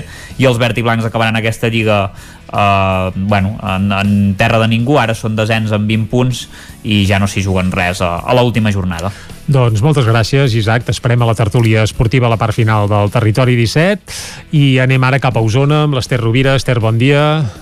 Uh, va ser de les que vas anar a la platja tu o no aquest cap de setmana, com no, ens comentava no, no. abans la jo, Caral? Jo vaig anar aquí al Trofeu Internacional Ciutat de Vic de, de Trial i a l'estrena de la cursa als Tres Turons Vic BTT, o sigui que un que cap de vas trobar setmana ben una mica esportiu. de tot, eh? Una mica de tot. Una mica de tot, sí, perquè, exacte, uh, va ser un cap de setmana, parlant d'anar a la platja, va ser un cap de setmana dissabte de molta calor i ahir al matí de, de molta pluja, eh, en, en la cursa, després en, en parlarem, Uh -huh. però si et sembla comencem destacant uh, aquesta victòria de, del Tona Doncs en comencem l'anada del, Uh -huh. del play-off de descens a la nova tercera RFF, que és com es dirà eh, doncs aquesta, aquesta Tercera nova categoria. de futbol, diguem-ne, Sí, exacte, Mhm. la que tota la vida havia estat la tercera divisió de, de futbol, doncs amb aquesta reestructuració ara es dirà tercera eh, RFF eh, i això que dèiem el Tona que en aquest primer partit de, de l'eliminatòria de, de promoció d'ascens eh, a casa contra la Guinaueta que va guanyar eh, per 2 a 0 amb gols eh, d'Ot Bofill eh, i Nil eh, en, doncs això eh, en els minuts 37 i 76 de- d'aquest partit eh, però tot i així doncs encara queda la tornada que serà la setmana que ve a, a Barcelona Mhm. i que es creu que serà doncs amb un fort ambient local en contra i que per tant això doncs pot fer que sigui eh, complicat per al, el per camp al, de la Guinaueta és un dels, entre cometes, xungos, ja ens entenem. Eh? Um, Però això, sí, Sí, ambient, host, ambient dir, però hostil, sí, sí. segurament, el que, el que s'hi trobaran els tonencs, per tant era molt important aconseguir aquest bon resultat a, a casa, perquè doncs, això la setmana que ve uh, tot apunta que serà, que serà complicat, i això fent història els tonencs, perquè per primera vegada estan lluitant per uh, pujar a tercera divisió, i en el primer partit doncs, el resultat ja els és uh, favorable, per tant tot l'interès de cara al cap de setmana que ve a veure com acaba aquesta promoció Esperem que vagi bé. de, descens, sí, exacte, per al, per al Tona. Què més hem Um, tingut? Aquest cap de setmana, uh, això que, que t'explicava abans, bàsicament l'interès estava centrat en aquesta nova Fira Vic Activa't que s'estrenava uh, a la ciutat de, de Vic, uh, doncs al voltant de, de totes les entitats esportives de, de la ciutat, al Parc Balmes, però a més a més també doncs, uh, fent-hi coincidir uh, proves esportives.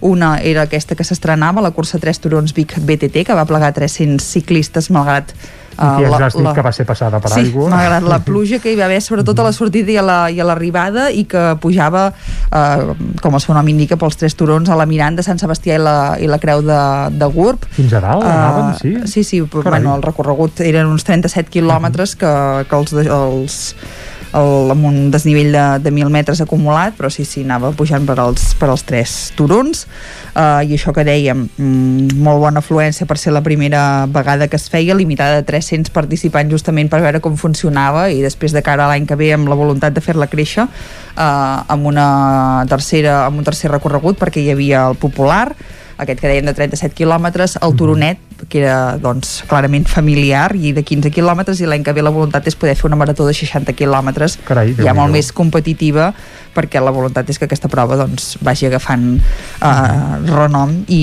i es quedi i uh, els guanyadors uh, tot i que no, el temps no era el més important uh, però sí que hi havia doncs, uh, temps i els més ràpids van ser Aleix Jo, David Álvarez um, i Sergi Ferreira en categoria masculina mentre que en femenina van ser Sílvia Garriga, Carla Soler i Montserrat Riera. Això eh, diumenge i sense deixar la bicicleta, però en aquest cas passant a la de trial, eh, l'altra prova destacada al voltant d'aquesta Fira Vic Activa d'aquest cap de setmana era el trofeu internacional Ciutat de Vic eh, de, de bicitrial, eh, que eh, doncs, va plegar el bo i millor d'aquest esport perquè com que fa uns dies la Federació Internacional va concedir a Vic eh, que organitzi el Mundial al mes de setembre, que això també és una, una bona notícia, una gran notícia a destacar d'aquesta modalitat ciclista, doncs com a prèvia molts van voler venir ja eh, en aquest trofeu que sempre acostuma a tancar els, els últims anys la Copa Osona, que ja té molta tradició, que fa mm, doncs, 22 edicions que es fa, però com que això, com que al setembre aquests, aquestes mateixes zones serà l'escenari d'aquest Mundial, doncs molts ja van voler venir a veure com, com serà i per tant hi havia una gran presència uh -huh. uh, a la prova, de fet hi havia els campions del món de la modalitat i justament uh, la, la campiona del món en categoria femenina Nina Reichenbach va ser la guanyadora de, de la prova, mentre que en categoria masculina va guanyar Alejandro Montalvo, uh, en aquest cas doncs uh, rider madrileny que també està entre els, entre els millors de, del món, per tant, eh, en aquest cas, malgrat la molta i forta calor que feia eh, dissabte al matí, doncs eh, una prova de, de primer nivell que va plegar molta gent també a la zona esportiva del Mas de Vigues. I ens quedem amb aquesta notícia, que a la tardor tindrem el Mundial de Ah, trial, exactament. eh, en aquest cas també a Vic. A Vic, exactament. Esther, moltes gràcies per aquest molt bé. repàs. I nosaltres, quan són ara les 11 i 3 minuts del matí, us acostem de nou l'actualitat de les nostres comarques, l'actualitat de les comarques del Ripollès, Osona, el Moianès i el Vallès Oriental.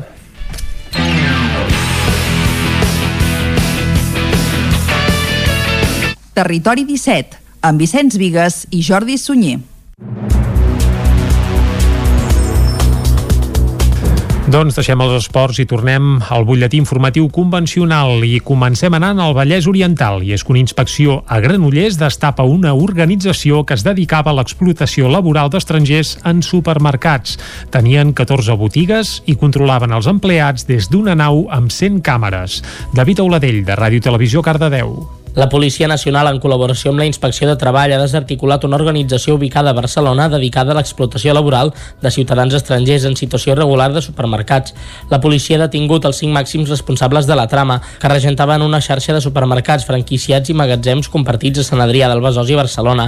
Han quedat detinguts com a presumptes autors de delictes contra els drets dels treballadors, contra els drets dels ciutadans estrangers, per afavorir la immigració irregular i per pertinença a organització criminal. Per controlar les víctimes disposaven d'una sala de videovigilància amb unes 100 càmeres de televisió que emetien en temps real. La investigació va començar gràcies a una inspecció feta el novembre passat en un establiment comercial de Granollers. Aquesta va posar els investigadors sota la pista de l'existència d'una organització que presumptament explotava laboralment ciutadans estrangers en situació irregular, majoritàriament originaris del Pakistan. Més tard van saber que els investigats comptaven amb una sèrie de supermercats franquiciats a Barcelona i dues naus o magatzems a Sant Adrià del Besòs. Els caps de la trama imposaven condicions laborals abusives mentre que ells aconseguien grans beneficis econòmics. Això els va permetre ampliar el negoci en un període breu de temps.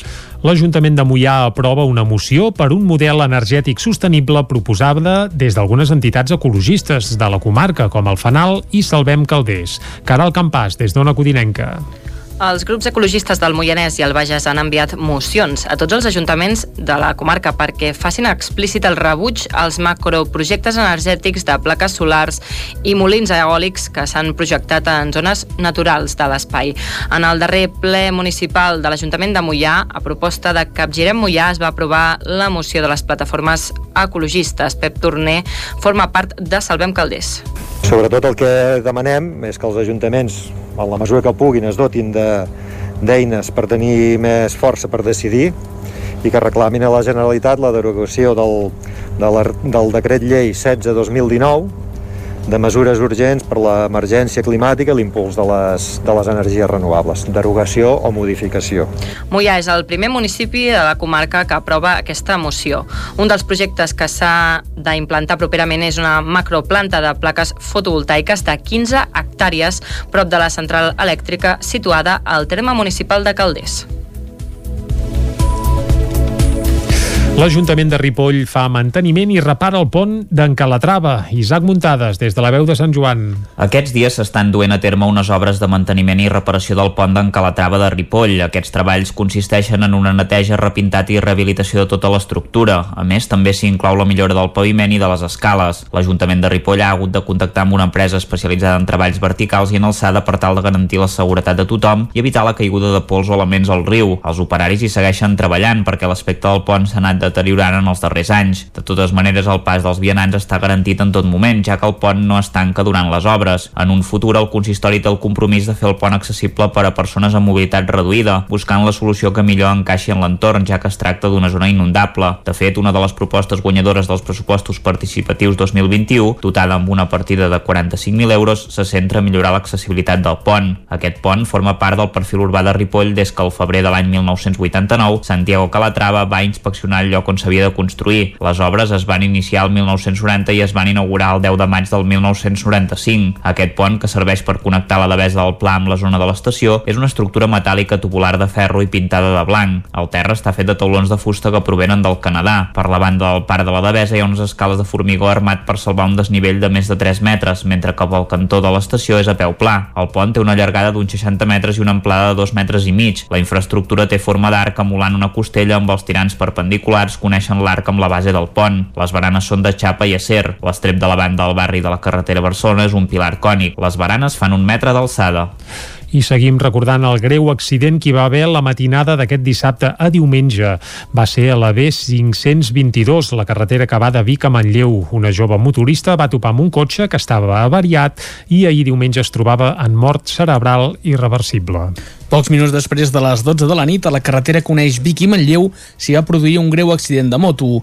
Concretament, a les 12 i 6 minuts, els serveis d'emergència van rebre l'avís que s'havia produït una col·lisió entre una moto i un vehicle al punt quilomètric 6,8 de la, B, de la B522. Segons les primeres informacions, la moto hauria impactat amb el vehicle que es trobava aturat per avariar la calçada. Just en el moment en, en del sinistre, els dos ocupants del cotxe estaven senyalitzant la incidència. Com a resultat del xoc, la persona que conduïa la moto va ser traslladada a l'Hospital Universitari de Vic en estat crític. Els dos ocupants del vehicle han resultat il·lesos. La motorista, una veïna de Manlleu de 18 anys, es trobava ahir al vespre en estat crític de mort cerebral irreversible. Esports. Mia Ordeig no serà l'entrenador del primer equip femení del Club Patí Voltregà la propera temporada. Ho va anunciar el mateix club aquest divendres en una nota de premsa. La junta directiva hauria decidit no renovar el tècnic que només portava una temporada davant de l'equip, per després de que pengés els patins com a jugador de l'equip masculí. Fons del club expliquen que de cara a la propera temporada es vol reestructurar la secció femenina, una reestructuració que passaria per la renovació de l'equip tècnic en profunditat. Tot i fer una bona temporada, l'equip no ha aconseguit endur-se cap títol.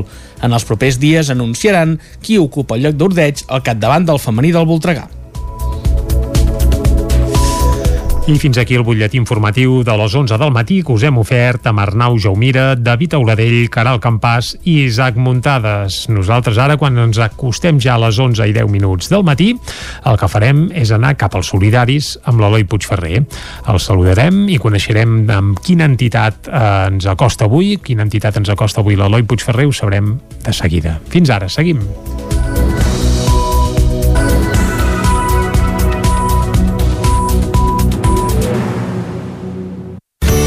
Territori 17. Envia'ns les teves notes de veu per WhatsApp al 646 079 023. 646 079 023. WhatsApp Territori 17.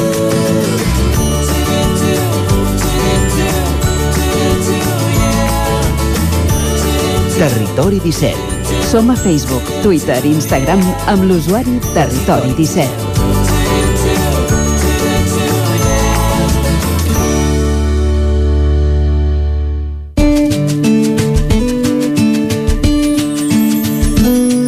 Solidaris, amb Eloi Puigferrer.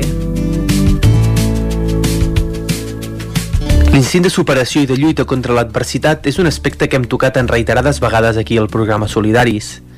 Treure forces d'on sembla que no n'hi ha per lluitar contra malalties, situacions de pobresa o complicacions sembla ser el tret dominant de totes les entitats amb les que hem parlat en aquest programa. Aquesta setmana no serà diferent, més aviat al contrari, perquè conviure amb dificultats visuals és una situació on fa falta molta força de voluntat, ajuda i, sobretot, ganes de tirar endavant. Aquests trets són alguns dels que caracteritzen l'associació Junts i Veiem Millor, una entitat nascuda fa poc més de 3 anys a Osona amb una clara intenció, estar al costat de les persones amb problemes a la vista per fer entre tots una comunitat. I aquesta comunitat, deixant la Covid-19 a banda, està més viva i més forta que mai, com ens ho explicarà avui durant el programa el seu president, Diego Guirao. Així que des de Ràdio Vic i a través de l'antena del Territori 17, avui ens endinsem de nou al món solidari parlant dels orígens de Junts i Veiem Millor.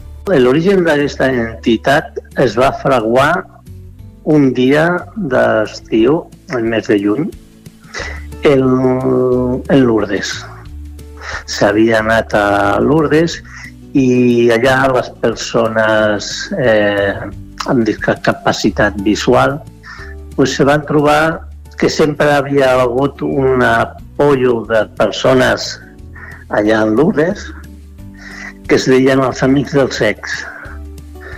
Però els Amics del Sex s'anaven diluint en el temps, en una part perquè, bueno, la, en certa manera la ONCE va deixar d'apoyar-los amb el canvi de, de president i en moltes dues persones que ara actualment estan a l'associació, la que és l'administrativa la, i un, una persona que està com a soci, van decidir muntar aquesta associació en vistes de que no se pot fer res si no estàs ben declarat i, en fi, i ben organitzat. Aleshores, quan vam baixar de Lourdes, eh, m'ho van comentar a mi. Jo coneixia els amics del sex, i amb, hi havia uns quants de la 11 i en relació a la gent que havia fora, doncs vam pensar que la 11, com sí, com associació, ja donava un cert apoyo a les persones amb discapacitat tant física com visual o el que fa la, la 11. Aleshores van decidir, ja portaven el nom més o menys fet, ens van reunir unes quantes persones i van dir, pues lo tirem cap endavant. Va haver en su principi molt rebombori perquè van dir que eren enemics del sex, perquè clar, el que actualment ja no és director de la ONCE també ens deia que, que, bueno, que això fora de la ONCE no tindria èxit i nos van posar moltes traves, molts problemes, inclús nos van endemoniar de cara a, a la senyora alcaldessa Ana L. I, i bueno, en un principi van tirar cap endavant i hem demostrat que, que no, som, que som capaços de, de portar-lo endavant i portar-lo bé i, i durant aquest temps pues, se nos ha, se nos ha juntat gent, a pesar de que hem tingut, com totes les associacions, aquest any de deriva que no han pogut fer gran cosa. Com en tot, els inicis no van ser pas senzills per l'entitat, però la perseverança i les ganes de seguir endavant amb un projecte que, malgrat que ja existia, s'estava extingint, va acabar donant la raó a Junts i Veiem Millor. Guirau explica com es va viure tot el procés i els motius que hi ha al darrere. Això va ser en l'any mm, 18. Aquestes persones, jo aquest any no vaig anar a Lourdes perquè se me casava un nebot i no vaig anar-hi. I quan vam baixar, vam baixar amb aquesta idea i els amics del sex pues, ja s'estaven diluint, ja no volien continuar. Primer perquè la seva base d'existir, que no era associació, sinó que era un grup d'amics, i la seva supervivència depenia de la venda de loteries en Nadal per ajudar a, a certes persones. I aleshores, com des de l'Organització Nacional de Sex les van treure la venda de, de loteria, o sigui que no podien posar el nom, llavors ja van desistir i, i bueno, i com tampoc era una associació, doncs tampoc podíem fer legalment això de les loteries. I bueno, va ser tot aquest tema que va ser pel que vam néixer nosaltres. Ho vam veure en, i ho vam treballar amb molta gana, perquè ja ens vam posar en mans d'una gestoria que nos van fer tot el tema d'estatuts, eh, vam tindre l'apoyo de la direcció de, del casal.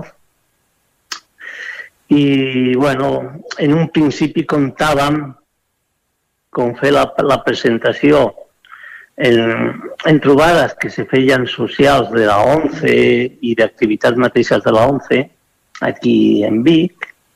I bueno, van trobar una forta resistència molta gent que ens venia a acompanyar diguem que del dia a la nit van dir que no, que no volien que, que ja, ja m'ho harien i bueno, tot aquest tema d'excuses.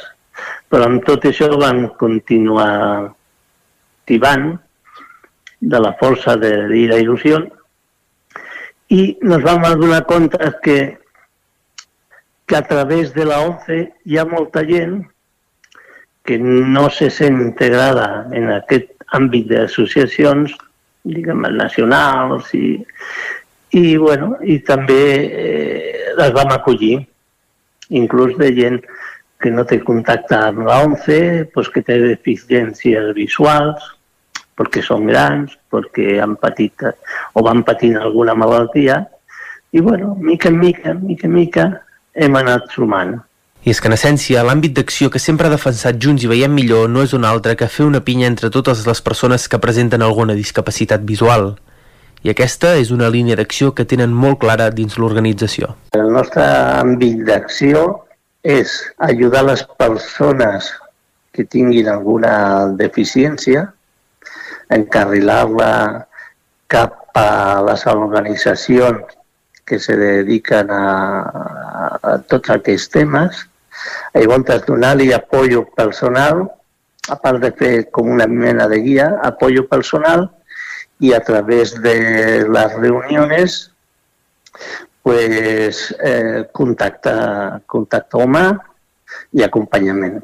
Nosaltres nos reuníem al casal Guiteres tot el, prim, el primer divendres de, de cada mes. Llavors fèiem un programa, diguem que per trimestres, en què cada mes fèiem una cosa diferent.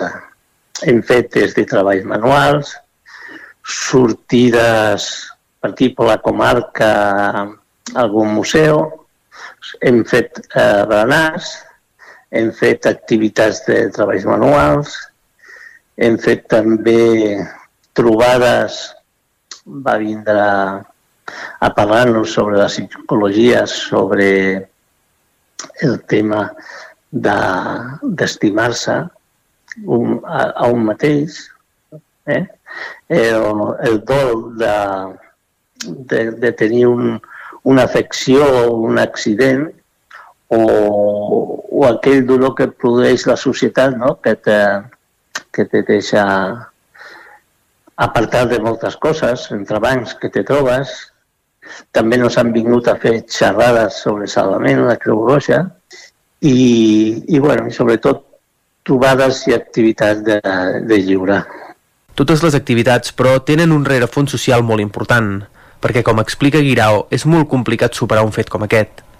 La millor manera, que ja tenen demostrada, és sortir de casa i socialitzar. Una de les coses que no s'havien donat compte eh, que molta gent lo viu en el seu propi silenci perquè costa molt dir que és una persona cega, eh, en certa manera, alguns ho han viscut molt bé, però altres no, i aleshores costa molt de, de poder treure una persona de casa i per a que s'obri i comparteixi i parli de les seves necessitats. O sigui, compta que van trobar alguna persona que inclús portava un any sense obrir el correu, sense saber que, que l'havien enviat i tot, perquè no havia pogut que ningú li vingués a llegir la, les cartes.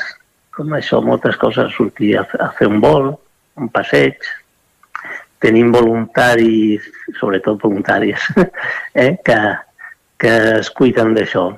Eh? Persones que veuen bé i també portem els nostres, diguem acompanyants personal tots plegats. Eh?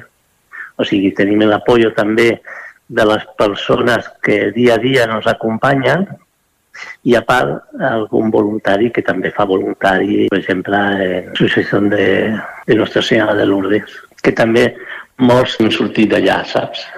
Guirau va viure tot aquest procés de primera mà i des del començament ja va tenir clar que la millor manera de superar-ho era aquesta.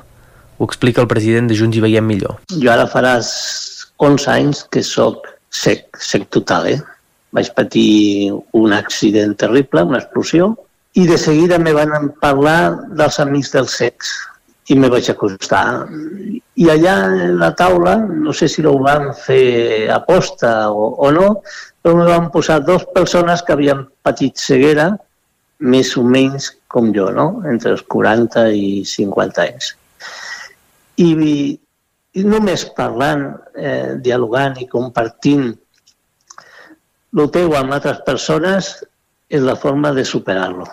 I sempre creus que ho has superat, però jo en uns anys que porto així crec que ho vaig superar fa tres anys. Interiorment, eh? Exteriorment, pues sempre he sigut molt obert i intentat compartir, però sempre tens aquell racó teu a dintre eh? que te fa ser diferent en quant a tot el que tu has fet abans. I això és, és dur, és dur d'assimilar. Passa que el, el temps, i és veritat, ho cura tot. Però sempre has de posar-te al costat d'altres persones que estan igual que tu. Eh? No podràs superar aquella por d'enfrontar-se a, la, a la societat. I després trobem un altre factor de gent gran, si ja per regla general la gent gran se comença a trobar sola a certa edat, doncs ara una persona que comença a veure poc, que no hi veu, perquè en aquest món hi ha tantes malalties que diu, bueno, mira, tothom és sec. No, no, no. Hi ha, hi ha persones que són cegues de total, hi ha persones que, que no, simplement no hi veuen i això parlant i fent coses junts i, i, i un demostrant-nos a l'altre que se poden fer és com si el dia a dia va superant-la. I per això una de les grans coses d'aquesta associació que no vol ser gran cosa, simplement pot, només vol això, en tot aquest procés, però, la societat hi juga un paper fonamental i per l'experiència que Guirao ha obtingut amb els anys, aquesta encara li falta molta consciència per facilitar la vida a totes les persones que passen per aquest procés vital. Ui, a la societat li falta, li falta molt. Encara la meva dona s'enfada quan algú que m'ha conegut i, i se me queda mirant i diu però encara no hi veus? De veritat no veus res, res, res? I li has d'explicar, però si és que no tinc ulls, i, i no te poden posar ulls? I te quedes, bueno, què, què farem, no? I, I segurament és una bona persona. Després, jo una vegada, no fa gaire, vaig obrir una queixa dient i per què no fer un, una propaganda per la televisió que acompanya la gent a comprendre les persones cegues a l'hora d'agafar-les, a l'hora de parlar amb elles. O sigui, aquest contacte, que tenia que ser tan normal, és com si la persona que veu faci una barrera entre la persona que no, que no hi veu. Per exemple, jo agafo molt el tren, no? I quan vaig a uh, controlo la porta i vaig a agafar el suport per afilar-me al tren, de cop i volta t'agafen pel darrere los dos braços i t'empenyen. Te donen un, sus, un susto d'amor. eh? I te deixa tot paralitzat que no, no saps... Gràcies, però no, no hace falta que m'ajude. Si m'ajuda, avíseme. I algú hasta s'enfada. Són aquestes petites coses quotidianes de convivència Ajudar i facilitar la vida a les persones que pateixen alguna deficiència visual és cosa de tots. Però gràcies a entitats com Junts i Veiem Millor, el dia a dia d'aquestes persones és com a mínim una mica més senzill. I és que viure amb aquests problemes no és ni de tros senzill, però conviure amb altres persones que estan en la mateixa situació que tu fa que no et sentis sol i fa, en essència, que junts veieu una vida molt millor.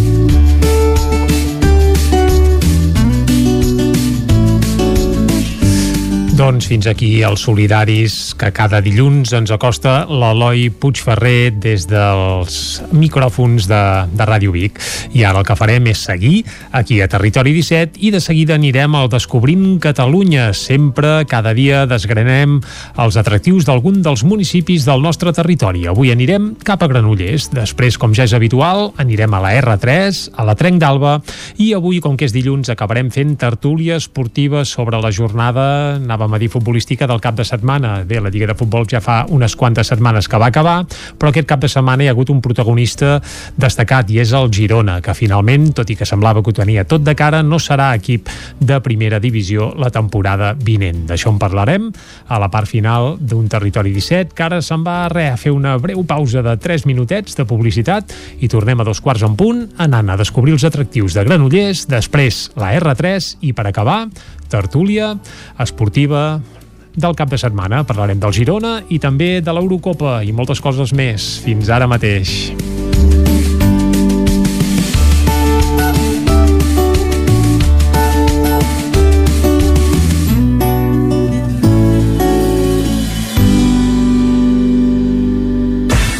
El nou FM, la ràdio de casa, al 92.8. A Autoscola Montseny. Ara és el moment de fer els cursos de teòrica intensius, ràpid i eficaç. T'informarem dels PACs, permís de moto de 16 i 18 anys i permís de cotxe. I si vens a veure'ns, tindràs un obsequi.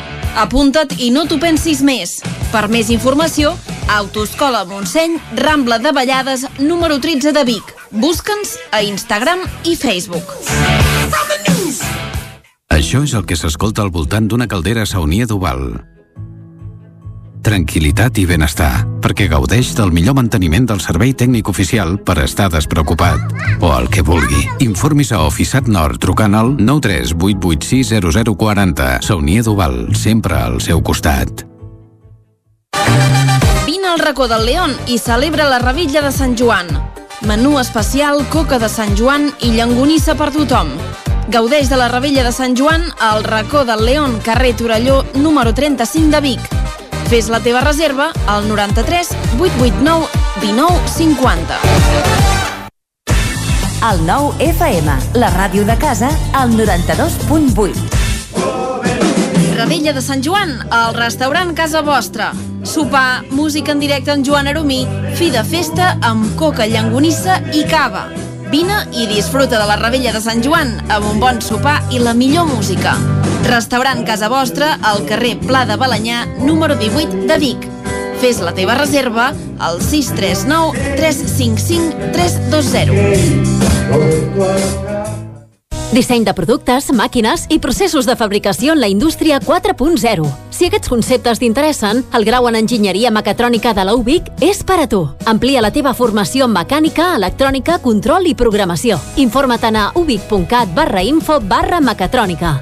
Universitat de Vic, Universitat Central de Catalunya. Impremta Mater, el servei de particulars i empreses. Fem catàlegs, llibres, papereria corporativa, targetes, fulletons i també venem material d'oficina i escriptori, bolígrafs, arxivadors, grapadores, llibretes i molt més. Mater Impressors des de 1957. Impremta Mater. Ens trobaràs a la carretera de Sant Hipòlit, número 23 de Vic i a la impremtamater.com. Vols ajudar a promoure, prevenir, mantenir o recuperar la salut de les persones? Amb el grau en fisioteràpia de la UBIC, aprendràs a través de la simulació de casos i l'experimentació pràctica. Informa't a ubic.cat barra info barra fisioteràpia. Universitat de Vic, Universitat Central de Catalunya.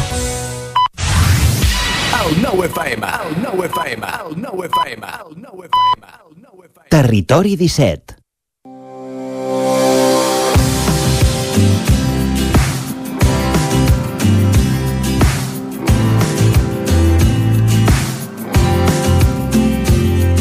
Granollers és la capital del Vallès Oriental i històricament ha estat i és una cruïlla de camins. Granollers és una ciutat viva i dinàmica que està situada en un espai privilegiat, al centre del Vallès Oriental. La ciutat deu el seu origen al seu posicionament estratègic a la comarca. Situada en una cruïlla de camins comercials, ja des de l'època romana era un punt de trobada i de parada important per venedors, agricultors i marxants. Granollers conserva vestigis de la seva època més esplendorosa, del segle XVI, quan la ciutat va començar a créixer més enllà de les muralles. La porxada, construïda el 1587 com a llotja de gra, és el monument més emblemàtic de la ciutat i ha estat declarada Bé Cultural d'interès nacional. Està formada per 15 columnes sota una taulada de quatre vessants que va acabar allotjant el mercat municipal a partir del 1872. Les muralles van envoltar la ciutat de Granollers des de finals del segle XIII fins a mitjans del segle XIV. La muralla medieval tenia forma hexagonal, feia 816 metres de perímetre i estava protegida per torres de defensa enllaçades entre si a través dels anomenats corredosos, nom popular amb el qual es coneixia el camí de ronda. Al segle XVI, sobre els portals d'entrada es van construir capelles dedicades a diferents sants. Encara avui es conserven dues d'aquestes capelles, la de Santa Esperança i la de Santa Anna. A dia d'avui es poden apreciar restes de les muralles en diversos punts del centre històric. El 2009 es va inaugurar l'adoberia del Ginebreda, centre d'interpretació històrica del Granollers medieval. Aquí podreu descobrir com feien l'adop de les pells i la transformació del Granollers medieval que es caracteritza principalment per les muralles, el comerç agrícola i la producció del sector de l'adobament. L'adoberia del Ginebreda es troba al subsol de la plaça de l'Església i al carrer Ricomà. Des del segle XVI fins al segle XIX es van utilitzar com a centre de la indústria d'adobament. És l'única adoberia que s'ha conservat en bon estat de les sis que es té constància a Granollers. Granollers va ser una ciutat castigada per la Guerra Civil.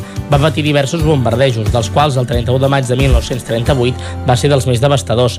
Més de 200 persones van perdre la vida i moltes altres van quedar ferides.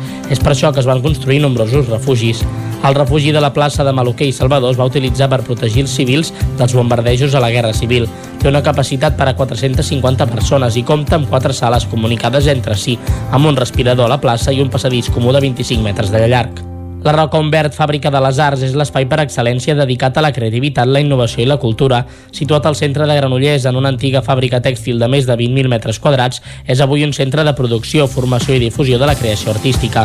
En aquest equipament s'ha conservat la tèrmica, la central que transformava i distribuïa l'energia de l'antiga fàbrica, exemple de l'arquitectura industrial de mitjans del segle XX. Territori 17 i després d'anar cap a Granollers, el que toca és anar cap a la R3. Ara ja sabem, per exemple, cap al túnel de Tosses, els trens hi poden anar a 100 per hora. Uh, aviam què ens expliquen avui des de la Trenc d'Alba. Anem-hi, va. A Trenc d'Alba, edició pandèmia. Ara sense els usuaris que ens explicaven les seves desgràcies a la R3, però amb els mateixos retards i problemes de sempre.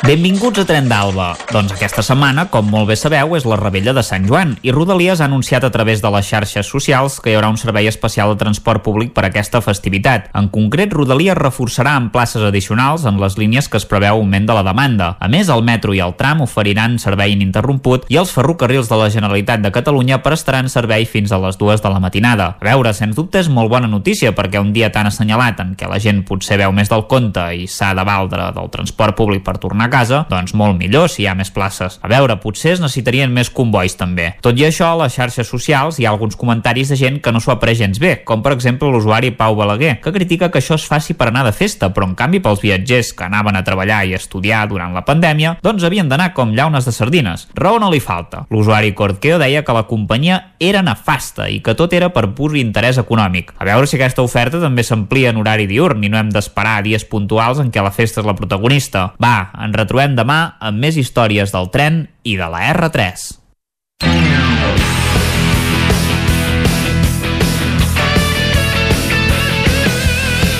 Doncs quan passen gairebé 5 minuts de dos quarts de 12 del migdia, arriba el moment de l'última tertúlia esportiva de la temporada aquí a Territori 17. Aquest divendres tanquem temporada, ho farem l'endemà de Sant Joan i és per això que el Guillem, el Lluís i l'Isaac Muntades doncs els hi diem molt bon dia i benvinguts i Hola. molt bon estiu també ja Sí. directament eh?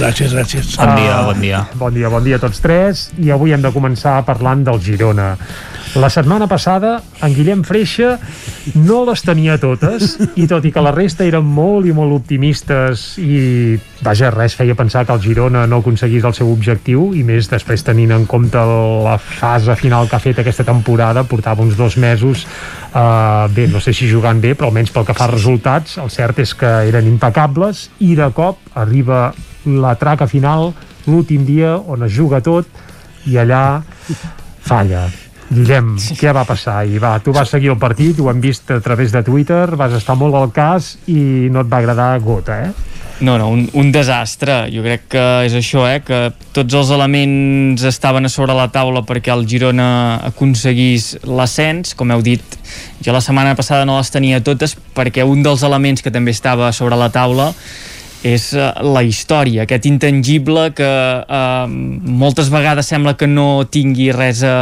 a, a veure amb el que pot passar, però que acaba pesant uh, amb els jugadors, amb l'entorn, uh, no sé, com un fantasma estrany. És curiós això, el món del futbol, eh? Sí. Sí, uh, I passa.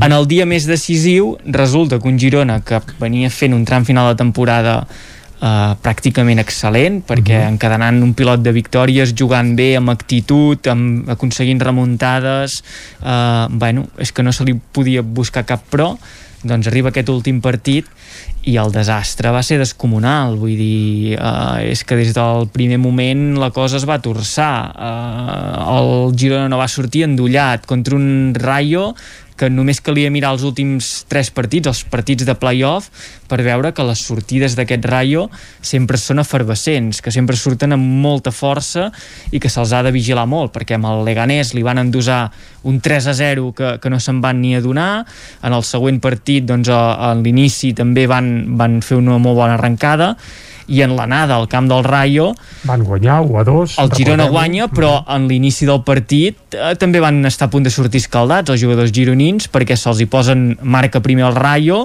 i en té un parell per, per pràcticament també sentenciar l'eliminatòria.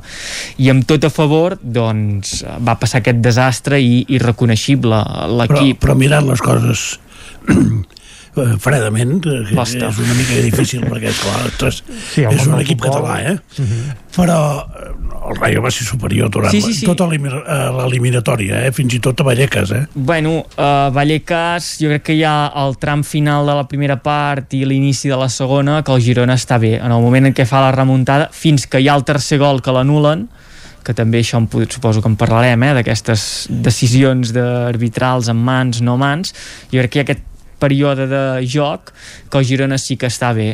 En el global de l'eliminatòria, doncs el Rayo potser sí que ha portat més la, la iniciativa, però jo crec que en una fase de playoff mm, portar o no portar la iniciativa eh, al final no acaba sent important en el sentit que hi ha molts equips que no han portat la iniciativa i han acabat pujant. L'any passat l'Elx, precisament, el Girona va ser superior en l'eliminatòria i acaba pujant l'Elx. Jo crec que aquí hi ha un tema que el Girona no ha acabat no ha sabut treballar tot i tenir molts antecedents, tot i tenir moltes experiències i no ho saben treballar perquè no pot ser que tornis a sortir a jugar el partit més important de la teva història com si fos un partit qualsevol. però és que l'entrenador no és el mateix els jugadors la majoria no són els mateixos Sí. Eh, l'equip feia dos mesos que no perdia Però- i tot plegat no serveix per res Però has I, de fer- i l'equip cau altra vegada eh, eh, ensopega la mateixa Sí. pedra però jo crec que has de, fer, has de saber fer aquest treball de- d'empapar-te una mica del que ha anat passant en els últims anys a, a Girona, d'analitzar també aquests partits en què eh, quan s'ha volgut jugar de tu a tu amb el rival doncs n'ha sortit escaldat i potser ha faltat moltes vegades picaresca, perquè si comences a repassar eh, les patacades del Girona és que són, són estratosfèriques, gols en l'afegit que et deixen sense un ascens el dia del Lugo, remuntades que no saps ni d'on et surten l'any del Saragossa. L'única vegada que sí que el rival va ser superior és l'Ossassuna, que et, et guanya clarament i res a dir. L'any passat l'Elx, que ho tenies encarrilat ja per anar cap a una pròrroga que et podia haver donat també l'ascens, i no aconsegueixes eh, mantenir-ho. Ostres, eh, a més a més sempre a casa. Eh, aquest, aquest escenari d'un Montilivi mm, bueno, en ruïnes, no? perquè avui hi havia l'esportiu a la contra Lluís Simón que sempre fa un petit escrit que deia la pròxima vegada que el Girona es jugui un ascens que digui que té l'estadi en obres i se'n vagin a jugar a qualsevol altre punt de, de la galàxia que, que perquè està maleït, vaja, està, està maleït, sí i, ostres, no sé... Oh. El Jordi convindria fer obres als lavabos. Eh, sí, sí, que sí, poc. convindria. Per el això, Bernabéu en fem. És, no, sí, per això. És un alt, el pitonisso. Ara parlarem amb el pitonisso de, ara, ara que, de, de Camp de Bànol. Escoltem, ara, ara, escoltem l'Isaac Muntades, que encara no l'hem escoltat. Uh, Isaac, tu que també tens mig cor gironí, perquè sabem que el Girona és el teu segon equip, o tercer, no sé, això ja seria una altra història, però suposo que també decebut, eh? Pel resultat d'ahir? Mm, bueno, a veure, uh, tampoc no m'afecta tant com quan perd el Madrid, eh, realment, vull dir, no sap greu no perquè evident, sap greu perquè evidentment doncs era una eliminatòria que en quant a resultat havia anat molt bé en el partit d'anada, però és que ha fet dos partits bastant lamentables el Girona. Vull dir, jo hi vaig veure la primera part i ja em vaig tenir prou, eh? La segona sí, sí. ja no la vaig veure perquè ja no hi confiava. Però crec que la segona ja... va ser pitjor Sí, ja, vaja, ja, no, això, ja no en parlarem, eh? Però sí, sí. Ja no confiava en la, en la remuntada i això que només havien de fer un gol per anar a la pròrroga i després acabar i, i en teoria passava el Girona perquè no hi ha, no hi ha penals en aquestes eliminatòries.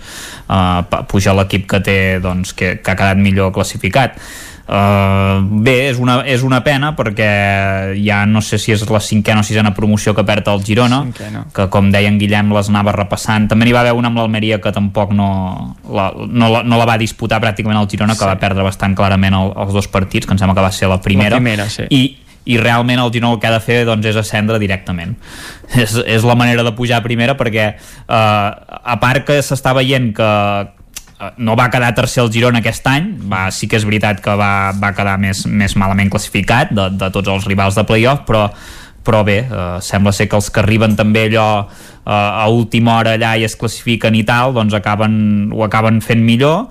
I el Girona que portava una ratxa bastant impressionant doncs va perdre el partit decisiu. I a més a més no el va perdre 0-1 que si l'hagués perdut 0-1 dius mira, hem perdut però, però puges a primera patint. Però no, saps? És una primera part que ja et remunten el partit i, i que donava la sensació que clar, que el Girona havia d'arriscar. Si te'n feien un altre ja s'acabava definitivament Bueno, doncs eh, sap greu, l'any que ve s'haurà de tornar a intentar a veure si el projecte continua, si, si no sabem si Estuani continuarà, si no, aquest any ja no ha estat tan decisiu com, com en altres anys, per tant doncs queda tot en un mar d'incògnites però el Girona realment eh, és un equip que està confeccionat per pujar i jo penso que mm, es pot considerar de fracàs el que va passar ahir Sí, no, i és, això, és sobretot la manera, no? Perquè eh, eh, costa molt, no?, classificar-te per un play-off, ja quedar entre els sis primers d'una de qualsevol lliga de certa, de certa nivell ja costa molt, el Girona ho va, ho va aconseguir, costa molt arribar a la final de play-off, perquè has de passar una primera eliminatòria, el Girona ho va aconseguir, i encara costa més arribar al partit decisiu amb un coixí que jo crec que la majoria de clubs hi, hi firmarien, no? perquè marques dos gols a, a, fora de casa, tens el partit de tornada a casa, eh, saps que tens aquest marge de seguretat de que et poden marcar un primer gol i, i tu encara tens el, el control de la situació per, per reaccionar, per canviar la manera de jugar, per fer algun retoc i impedir que et marquin el segon, i malgrat totes aquestes situacions doncs se't desmunta el, el castell a, a la primera de, de però canvi. És, però és que jugant pràcticament tota la segona part amb, amb un home més. També, amb el... això, això és l'altre, això és l'altre, clar. clar. Sí, sí, és que és el que dèiem, els últims minuts del Girona no van ser d'un equip ambiciós que, no. que bé, que va, entre cometes a totes per intentar buscar el gol, sí. semblava pagat sense els, els nervis cansat, menjar. el cor tirava més que el cap no? perquè sí, sí. veies moltes pilotades també en llarg quan sí que hi havia Estuani a, a davant però que potser eh, amb els jugadors que tenies al mig del camp amb Moch, Monxo, amb Samusai doncs potser tenies capacitat de, de generar més superioritats amb la pilota als, als peus um, no sé, jugadors que durant la temporada doncs, han destacat moltíssim com per exemple el lateral uh, Ian Couto ahir eh, desapareix, no, no, no hi ha, no hi ha el, el lateral. Eh, Silla també eh, això ja se li ha vist durant la temporada eh, que en, en moments una mica crítics és un jugador que perd molt els nervis. Eh, ahir eh, al tram final fa un parell de faltes tontes s'enganxa amb els jugadors del Rayo. Quan menys calia quan segurament. menys, quan menys cal. Um, no sé, tot plegat. I, I és que a més el Girona sap que si marca l'1 a 2 en, Hmm.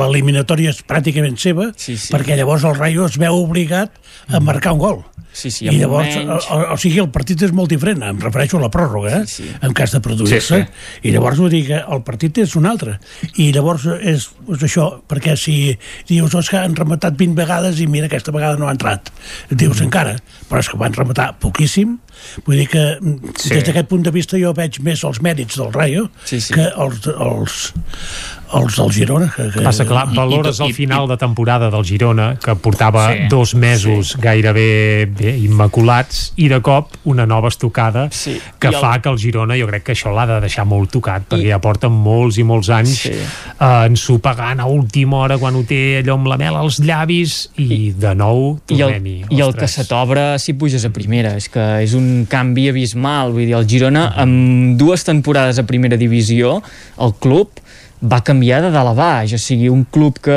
no tenia instal·lacions per entrenar va, va disposar d'unes instal·lacions per entrenar, sí que hi han també uns inversors a darrere, eh? però vull dir l'estadi, un estadi que ara no està bé aquell estadi, però que encara estava pitjor, se li va fer un rentat de cara que es va posar eh, relativament a to. eh, l'entorn, la massa social que es va enfilar al carro de- d'un equip de primera divisió. Mm. O sigui, la força que va adquirir el Girona amb dues temporades mm. a primera és brutal. I és clar, ara trobes que en una situació tan complicada com la que ha generat també la, la Covid a nivell d'ingressos, eh, a nivell No, de, de tot plegat... tothom, eh?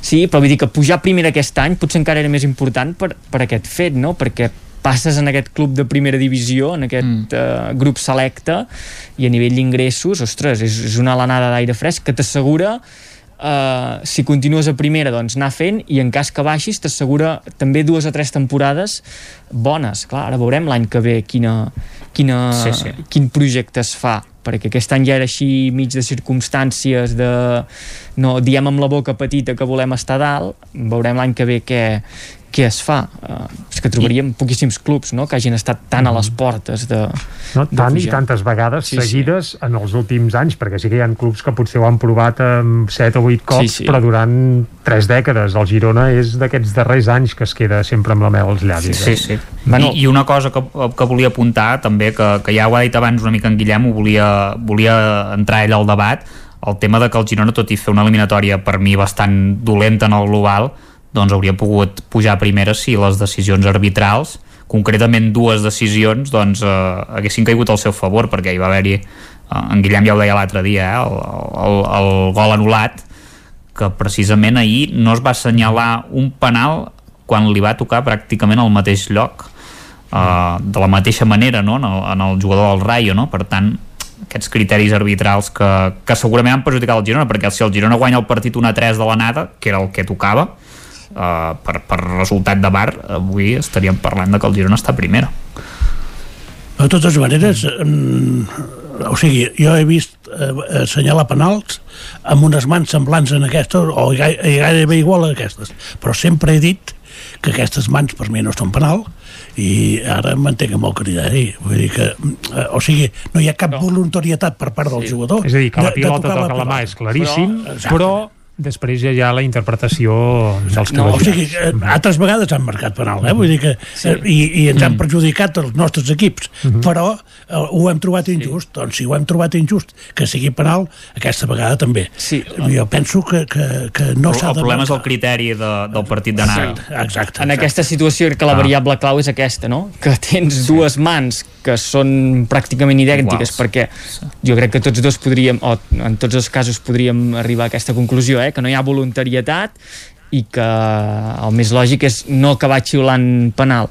Però esclar, dius, ostres, eh, una bola que mm, d'aquesta manera acaba dintre la dones, eh, l'anules i una altra que podia haver canviat doncs, el desenvolupament del partit en la tornada dius que, que no, que aquí no passa res en aquests, es, que ha sigut molt evident aquest eh, canvi de criteri de- d'una setmana a l'altra mm -hmm. i esclar, això fa mal perquè també eh, el Girona no, no ha fet bé les coses eh? els màxims responsables de no haver pujat de primera és el Girona, perquè amb la situació que ho tenien doncs havien d'haver fet els deures i, i no sé si guanyar però assegurar que, que es pujava a primera però també si vas si mires aquestes dues últimes eliminatòries de, de play-off descens que, que ha acabat perdent el, el Girona sempre hi han hagut decisions que et destiroten, perquè l'any passat també hi ha aquella expulsió d'Estuani quan encara quedava molt partit per endavant que esclar, és una expulsió precisament també eh, dita pel, pel VAR amb la moviola, anar parant i arrencant just en el moment en què el peu passa per sobre del peu del rival que,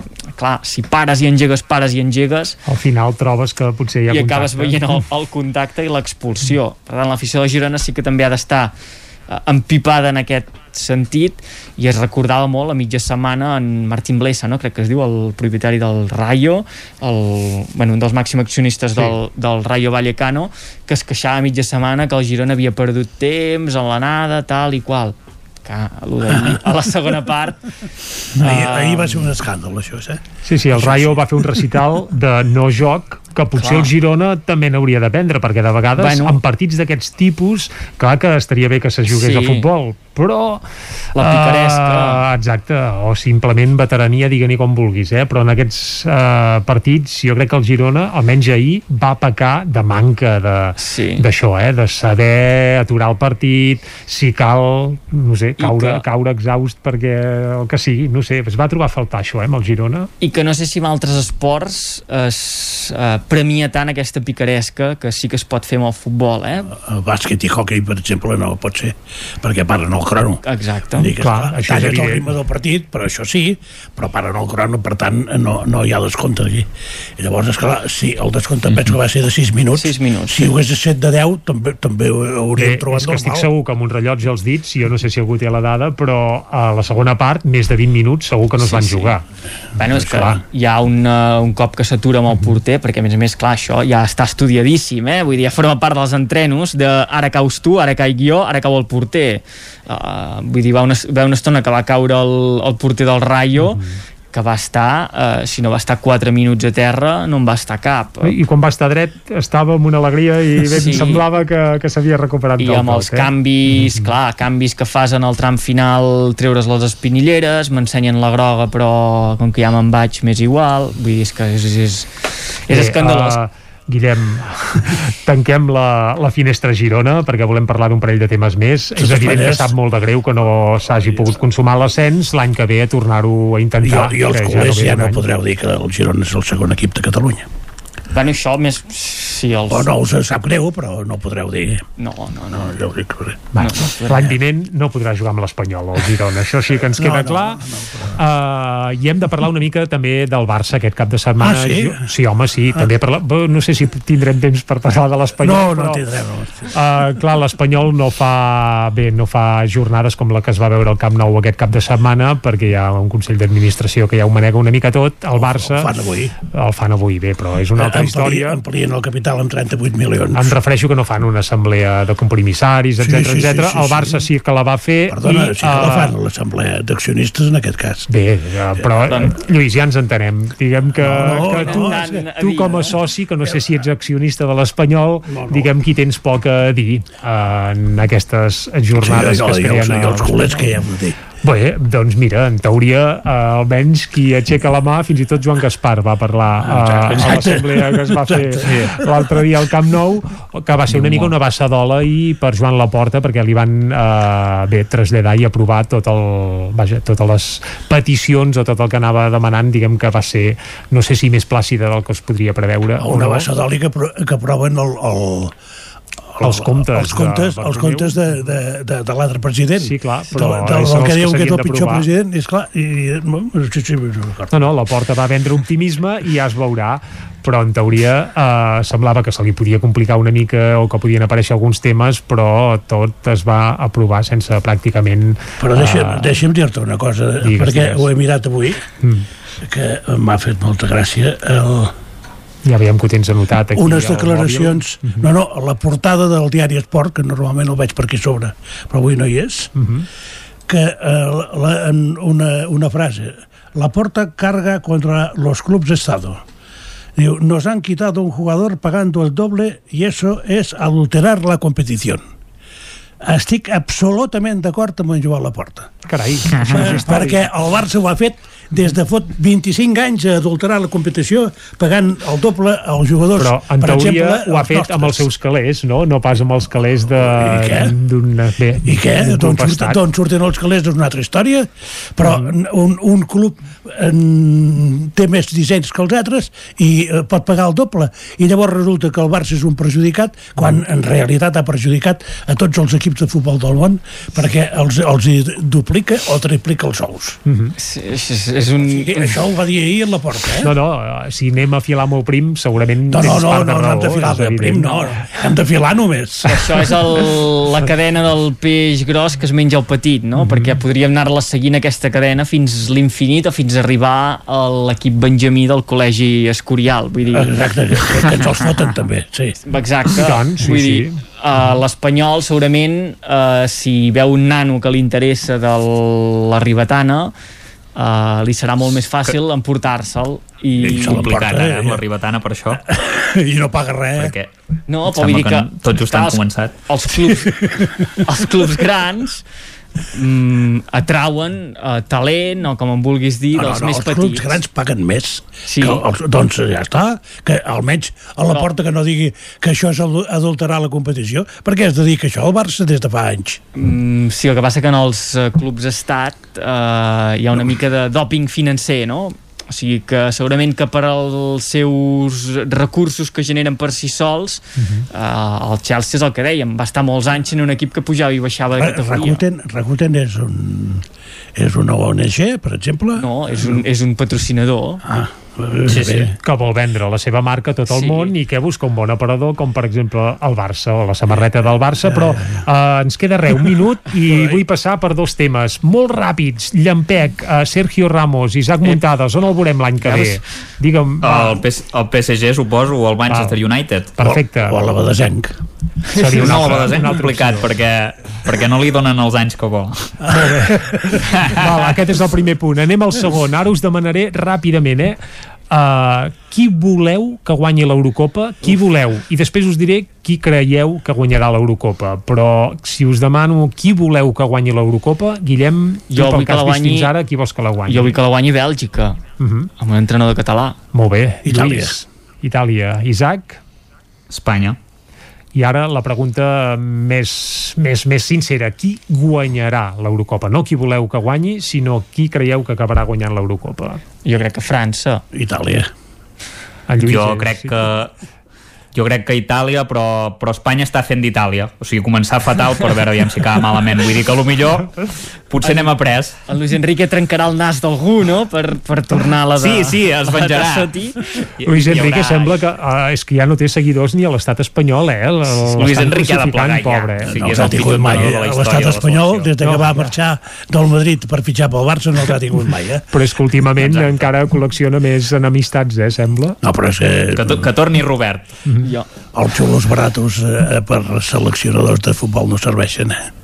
Exacte. És, és un presumit, vull dir, no, no, no, no es pot anar pel món d'aquesta manera. Bé, doncs va, ens quedem amb això. Els xurros baratos no serveixen per ser seleccionadors de futbol. El que 10 tinc clar- segons, El que Guillem, tinc clar és que ràpid. la previsió de l'Isaac- de l'Isaac Muntades eh, no es complirà, perquè és el pitonisso Muntades que va dir que Ramos es quedaria al Madrid i que el Girona pujaria i 0 de 2. Vull dir, jo crec que és la traca final de la temporada. Doncs, uh, Lluís, Guillem, Isaac, us esperem la temporada que ve, al setembre, perquè dilluns vinent ja no hi serem, serem de vacances d'estiu. Moltes gràcies per haver-nos acompanyat durant tota la temporada aquí al Territori 17. Bones vacances. Exacte, vinga, Adéu. i nosaltres ara el que ens toca és dir-vos adeu. Nosaltres aquí a Territori 17 tornarem demà i com sempre us farem companyia des de les 9 del matí i fins a les 12 del migdia. Salut, adeu. Territori 17, un magazín del nou FM. La veu de Sant Joan Ona Codinenca i Ràdio Cardedeu amb el suport de la xarxa. El nou FM.